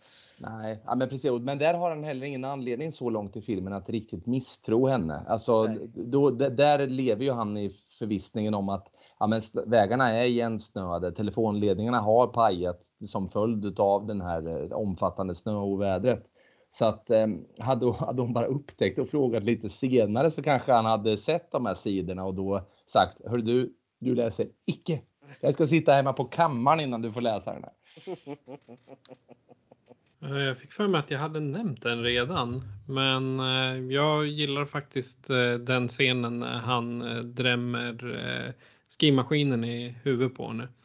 För det är som en, eh, ett slut på en eh, flera, flera veckors träning där han har gjort push-ups med skrivmaskinen. Då är det så här, pennan är mäktigare än svärdet tänker jag, fast vi får vara moderna. Skrivmaskinen är mäktigare än svärdet. Denna Den tycker jag förjordade skrivmaskin som saknar bokstaven N också. Ja, exakt. Som tydligen ska vara en liten referens till Stephen King själv. För han, den första skrivmaskin han hade var tydligen av den modellen. Där bokstaven N inte fungerade. Kul med sån där kuriosa. Alltså. Det gillar jag. Nej, men just den här grejen är, eh, som Patrik pratade om här när han gör eh, ja, men de här lyften med skrivmaskinen för att träna upp sin styrka. Jag är ju otroligt svag för i alla, inte just sådana här filmer, men kanske just mer i 80-talsfilmer har nästan alltid det, det här montaget, hur du liksom vår hjälte tränar upp sig för en sista strid eller liknande. Här blir det ju ganska kort men, och på ett annat sätt. Det är ganska härligt tycker jag just när han sitter där och lyfter den här maskinen. Han sitter och, och eh, ja, vi ser att årstiden liksom passerar förbi. Papperna ligger utspridda, han slänger papper, han, ja, kapitel blir klara och så vidare. Men ändå sitter de och gör den här träningen. Jag, det, jag gillar sånt där väldigt mycket. Det saknas bara lite så här Eye of the Tiger musik där för att det skulle Mm. vara 10 av 10. Nej, men den är helt klart, eh, den är helt klart minnesvärd och eh, som sagt var han, eh, ja och, och, och det är väl inte helt dumt. Det kan man väl tänka. Sen vet man inte hur mycket hans armar ändrar form så att de blir misstänksam vad han håller på med. Det. Om han skaffar sig på så välsvarvade mm, van Damme biceps eller någonting. Men så långt går det aldrig för herr Kahn tror jag. Jag Ja, tror inte riktigt hon är så, så pass uppmärksam heller. Hon är ju fast i det här med att Misery är död och att vi måste göra en ny bok. Vänta det- du, när pyjamasen satt slappt runt dina biceps, nu smiter den åt. Det- Vilka jävla armar du har! Jag tänker också det, den här filmen har också the attention to details. För jag tänker, det är ju inte bara det att han ska bli stark utan ena axeln, han har ju, han har ju sett i Mitella ju ena länge som helst och vi har förstått att ena axeln har ju varit soppaj på han. Så det är ju liksom en del också att ja men han måste bygga upp sig för att han ska ha någon som helst jävla chans emot henne i slutändan. Så jag gillar det, nu när jag sett om den här liksom ibland liksom, det, det det är väldigt lite i den här filmen, eller det är knappt någonting som jag skulle klippa bort som känns onödigt i den här filmen. Allt är liksom planterat och vi får en payoff. Tjechov hade varit väldigt nöjd med den här filmen. Allt planteras och används i den här filmen. Ja, det är mycket bra. Hörni, eh, mitt herrskap. Vi har ett litet eh, klassiskt eh, segment också där man helt enkelt får säga några avslutande rader och sen ge ett betyg. Och då brukar vi göra det i skalan 1 till 5. Eh, om någon av er tycker att det är väldigt svårt att förhålla sig till den betygsskalan så är ni fritt fram att skapa er egen. Patrik, ska vi lämna över ordet till dig först? Vad, vad säger du om den här filmen? Lite slutord och vilket betyg? Misery är inte den första filmen jag skulle se om jag skulle se en Stephen King-film. Då skulle jag börja med någonting som är lite mer lättsamt. Uh, och det gäller att inte vara så känslig för uh, hur man visar psykisk ohälsa på film. Vilket eh, det här är ju också en gammal variant utav psykisk ohälsa på film med tanke på att det är från är det 90-talet. Ja, 1990 är den från. Så, och då var det lite annorlunda. Det, det, det är mycket som har ändrats sedan dess. Och jag älskar ju allt med King, men eh, Misery den får nöja sig med en fyra för den är inte 100 procent min, i min smak. Så en fyra från mig. Herr Rosengren, vad säger du? Eh, Misery, Lida, det är en av alltså när Stephen King, eh, fort, alltså av hans goda alster, så de bra. För liksom man kan verkligen radda upp de bra King-alstren och sen de pissdåliga King-alstren. Och Lida är liksom onekligen på den goda sidan. Och jag upplever väl att av hans liksom eh, mer skräckäska, liksom de spännande Eh, så är det väl liksom den här och The Shining som liksom är de som slår högst. The Shining är fortfarande liksom, det är en sån här mästerverksfilm, Stanley Kubricks The Shining. Det här är inte riktigt ett mästerverk, men shit vad det är spännande och shit vad det finns bottnar i den här. Ruskigt välspelat. Katie Bates fick en Oscar. Eh, för den här rollen, vilket hon var väl värd. Sen kan det ju vara det liksom, ja, porträttering av psykisk ohälsa är kanske inte så kosher i den här filmen. Eh, men jag kommer över det ganska snabbt. Jag är väl investerad. Jag tycker det här är en väldigt effektiv, spännande, medryckande film. Inte full pott, men alltså det här får, det är en väldigt stark fyra av fem eh, från mig. Så hepp dig Lida. Eh, herr Nilsson, Pippis eh, apa. Nej, men jag kan väl börja med att säga att jag tycker ju att såna här captive filmer, alltså såna här, alltså där du hålls fången på ett litet ställe, alltid tilltalar mig väldigt mycket. Vi har det finns bottennapp också, så här, Hide and Seek var väl en riktig skitfilm har jag för mig. Eh, men vi, vi, har liksom såna här andra som eh, Ten Cloverfield Lane till exempel som jag tyckte var riktigt bra som jag såg ganska nyligen. Eh, vi har såna här andra fönstret mot gården. Vi har varit inne på det tidigare och pratat om eh, alltså huvudpersoner, hjältar som på något sätt har något slags handikapp som försätter dem i liksom att det är det som gör att de inte kan fly på samma sätt eller slåss på samma sätt. Och jag, jag tycker ofta det blir rätt effektivt och intressant. Men jag, jag, tycker inte heller den här filmen har det där sista som krävs för ett mästerverk. Det finns någonting, alltså allt är jättebra. Det, det är så, men det finns alltid någonting som måste till och nej, jag, den starkaste av fyror från, från min sida. Jag, jag, kan dock se den här filmen hur många gånger som helst. Jag kommer tycka den är väldigt bra, men det är något som saknas där. Den är, det är inte hajen. Nej. Nej, det är inte hajen. Eh, väldigt få filmer är hajen. Och eh, jag vet inte, jag, jag, brukar säga, ja mästerverk, det är ju, ja det, det finns ju ett gäng så här, som är kutym att tycka är mästerverk. Eh, sen brukar jag ju falla tillbaka till underhållningsvärdet eh, som slutgiltig liksom, eh, måttstock på hur bra en film är. Och den här filmen är ju sitt, sitt begränsade utrymme till trots oerhört underhållande. Det blir ju aldrig tråkigt i detta kammarspel. Jag tycker att det är en mycket välspelad, det är att slå in öppna dörrar, men Kathy Bates är ju fantastisk som Annie Wilkes. Och James Caan gör det ju oerhört bra också i, i rollen som den här fjättrade då eh, författaren. Jag var inne på, jag liksom själv, alltså, Fönstret åt gården och så här, precis, filmer som får eh, där människor av olika anledningar tvingas att, att vara fast där de är. De kan inte gå därifrån. Det gjordes någon ganska ny tappning på som aldrig blev lika bra som Hitchcocks, men som ändå jag tycker var rätt okej. Den här Shia LaBeoufs eh, Disturbia där han sitter eh, och har en fotboja. Jag tyckte den var helt okej också underhållningsmässigt. Så här, men olika sätt att hålla eh, huvudrollen så här, fjättrad i hemmet eller i någon annans hem som i den här filmen. Då. Men jag, jag, jag är ändå enig. Jag ger den här filmen fyra av fem eh, och jag gör det för att på något sätt så, så är det ju.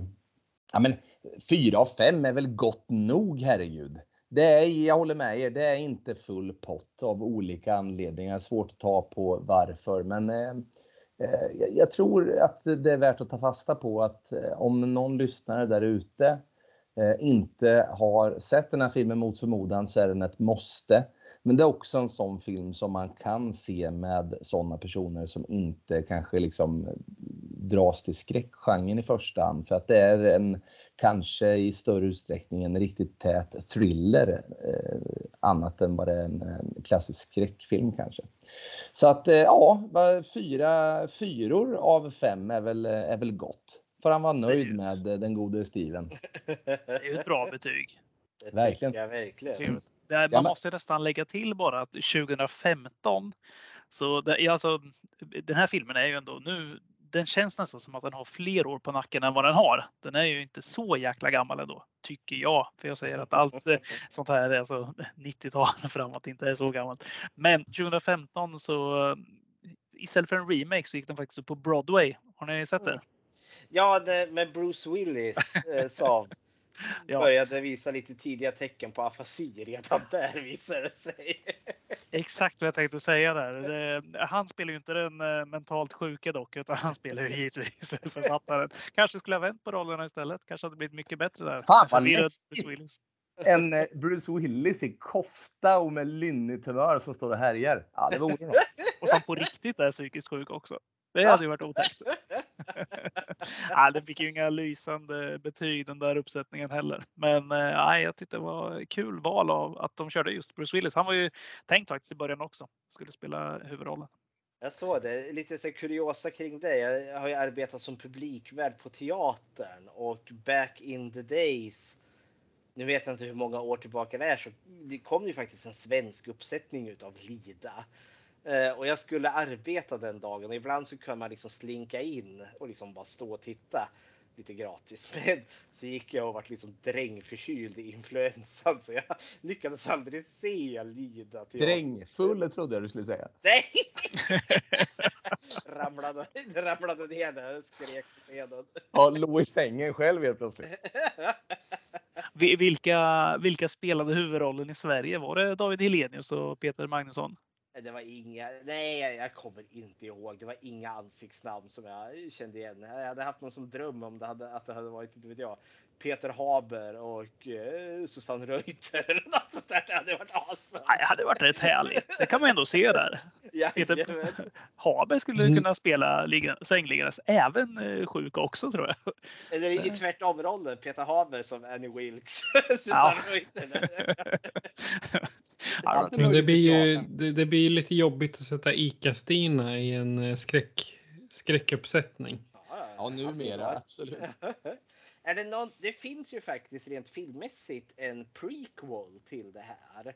Alltså säsong två utav Castle Rock fokuserar ju på den unge Annie Wilkes öden och äventyr och vi liksom får se vad som hände i klippboken där.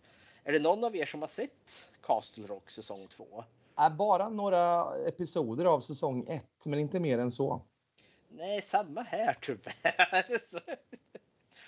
Ja, det är ju svårt att uh, se allt som uh, har någon anknytning till Herr King känner jag för att uh, det kommer så jäkla mycket. Var det, inte, det var, dels hade vi Castle Rock samtidigt som vi hade den här Mr Mercedes som gick mm. och vi hade någon mer som också gick. Var det nu Sinner var? va? Ja, är det Stephen King? Ja, det kanske det är. Ja, det är det. Eh. Är inte Sinner Stephen King? Jag tror det. Fast den heter något annat, boken. Jaha, ja det är säkert. Ingen aning. Ja, vi Det- får det- kanske slå mig på fingrarna, men jag tror det.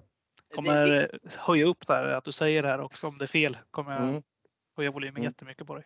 Ja, gör det. Eh, filmatiserade man inte den här The Outsider eller The Ja, det är den. Institute? Ja, Det är Jaha. den jag menar. Outsider. Du kan dämpa rösten direkt där. Och. nej, det där sparas. Det sparas för evigt sånt där. Ja. Nej, men den var ju fruktansvärt bra. Var eh, sjukt bra. Den var ju otäck rakt igenom, Outsider. Den var Vi, le vi lever ju i riktiga Stephen King-tider här nu. Alltså det är ju helt otroligt så mycket som kommer. Eh, och det, det är gott när man är Stephen King-fan. Tv-seriemässigt ser ju jag fram emot den här Welcome to Derry. Alltså prequelen till Det. Där vi ska liksom få se eh, herr Snåljåp eh, clowna runt i klaken igen fast nu på 30-talet och Mm. bete sig. Han är med kort i den du nämnde som en favoritbok där, den här 1963. Eh, när han, eh, huvudrollpersonen, går ju förbi någon form av kloaksystem i Derry och hör någon ropa på honom, viska inifrån mörkret, men han ignorerar det och går vidare. Eh, Det var kul. Ja, det var mycket bra gjort. Ja, men det där pratade vi om senast i Silver Bullet ju, att eh, Stephen King ofta har det där. Han har ju sitt eget universum och att det är så jäkla mycket hintar och vinkningar till andra verk han gör. Att liksom det finns allt det där. Det fin eller Pennywise finns liksom i andra böcker. Maine är ju alltid stort sett huvudstaden och eh, så vidare. Liksom. Alla de här väsen finns. Det finns referenser överallt. Det är ju jäkla roligt det där. Alltså. Det måste vara kul att ha skapat en, liksom en, en egen värld sådär och bara Ja, ja. här äger jag, här kan jag Du förenklar det för dina kommande verk. Alltså när du har byggt ett universum, då behöver man inte liksom introducera det längre. Liksom. Det är Det är bara också- jobbigt när så här Annie Winks kommer liksom och börjar rätta dig sen när du liksom Mm. inte kommer ihåg längre vad du har byggt. Men då, då är det ju bara fram med skrivmaskinen där och börja knocka dem en efter en där man tar ut dem. Verkligen. Eh, Jaha, vad säger ni då grabbar? Det var jättetrevligt att ha er med i podden. Det är fantastiskt roligt att ha er med. Nu ser vi, jag har ju nästan hållit på i tre timmar här. Ja, vi kan inte sluta prata. Vi kan ju inte det, men det, det är så fantastiskt kul att prata om Stephen King och Lida och det finns mycket att prata om här. Så, Det ja, gör det. Det gör det. Ja, hepp, hepp. Men det har varit jätteroligt. Vill Eh, ni säga något om eh, var vi hittar er till våra lyssnare också som inte vet om det? Take it away Patrik. Ja, ni hittar väl allting om oss på skräckfilmscirkeln.com. Det är lättaste. Där har vi allt ifrån sociala medier till eh, poddappar. Jag tror nu finns vi nog i alla podcastappar som går för svenska poddar till och med. Så att eh, antingen söker ni på skräckfilmscirkeln i din närmaste poddapp eller gå in på hemsidan skräckfilmscirkeln.com.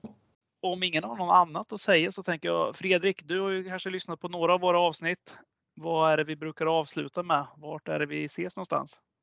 Det är ju ute i nattens mörker brukar ni ut och vimsa har för mig. Yeah.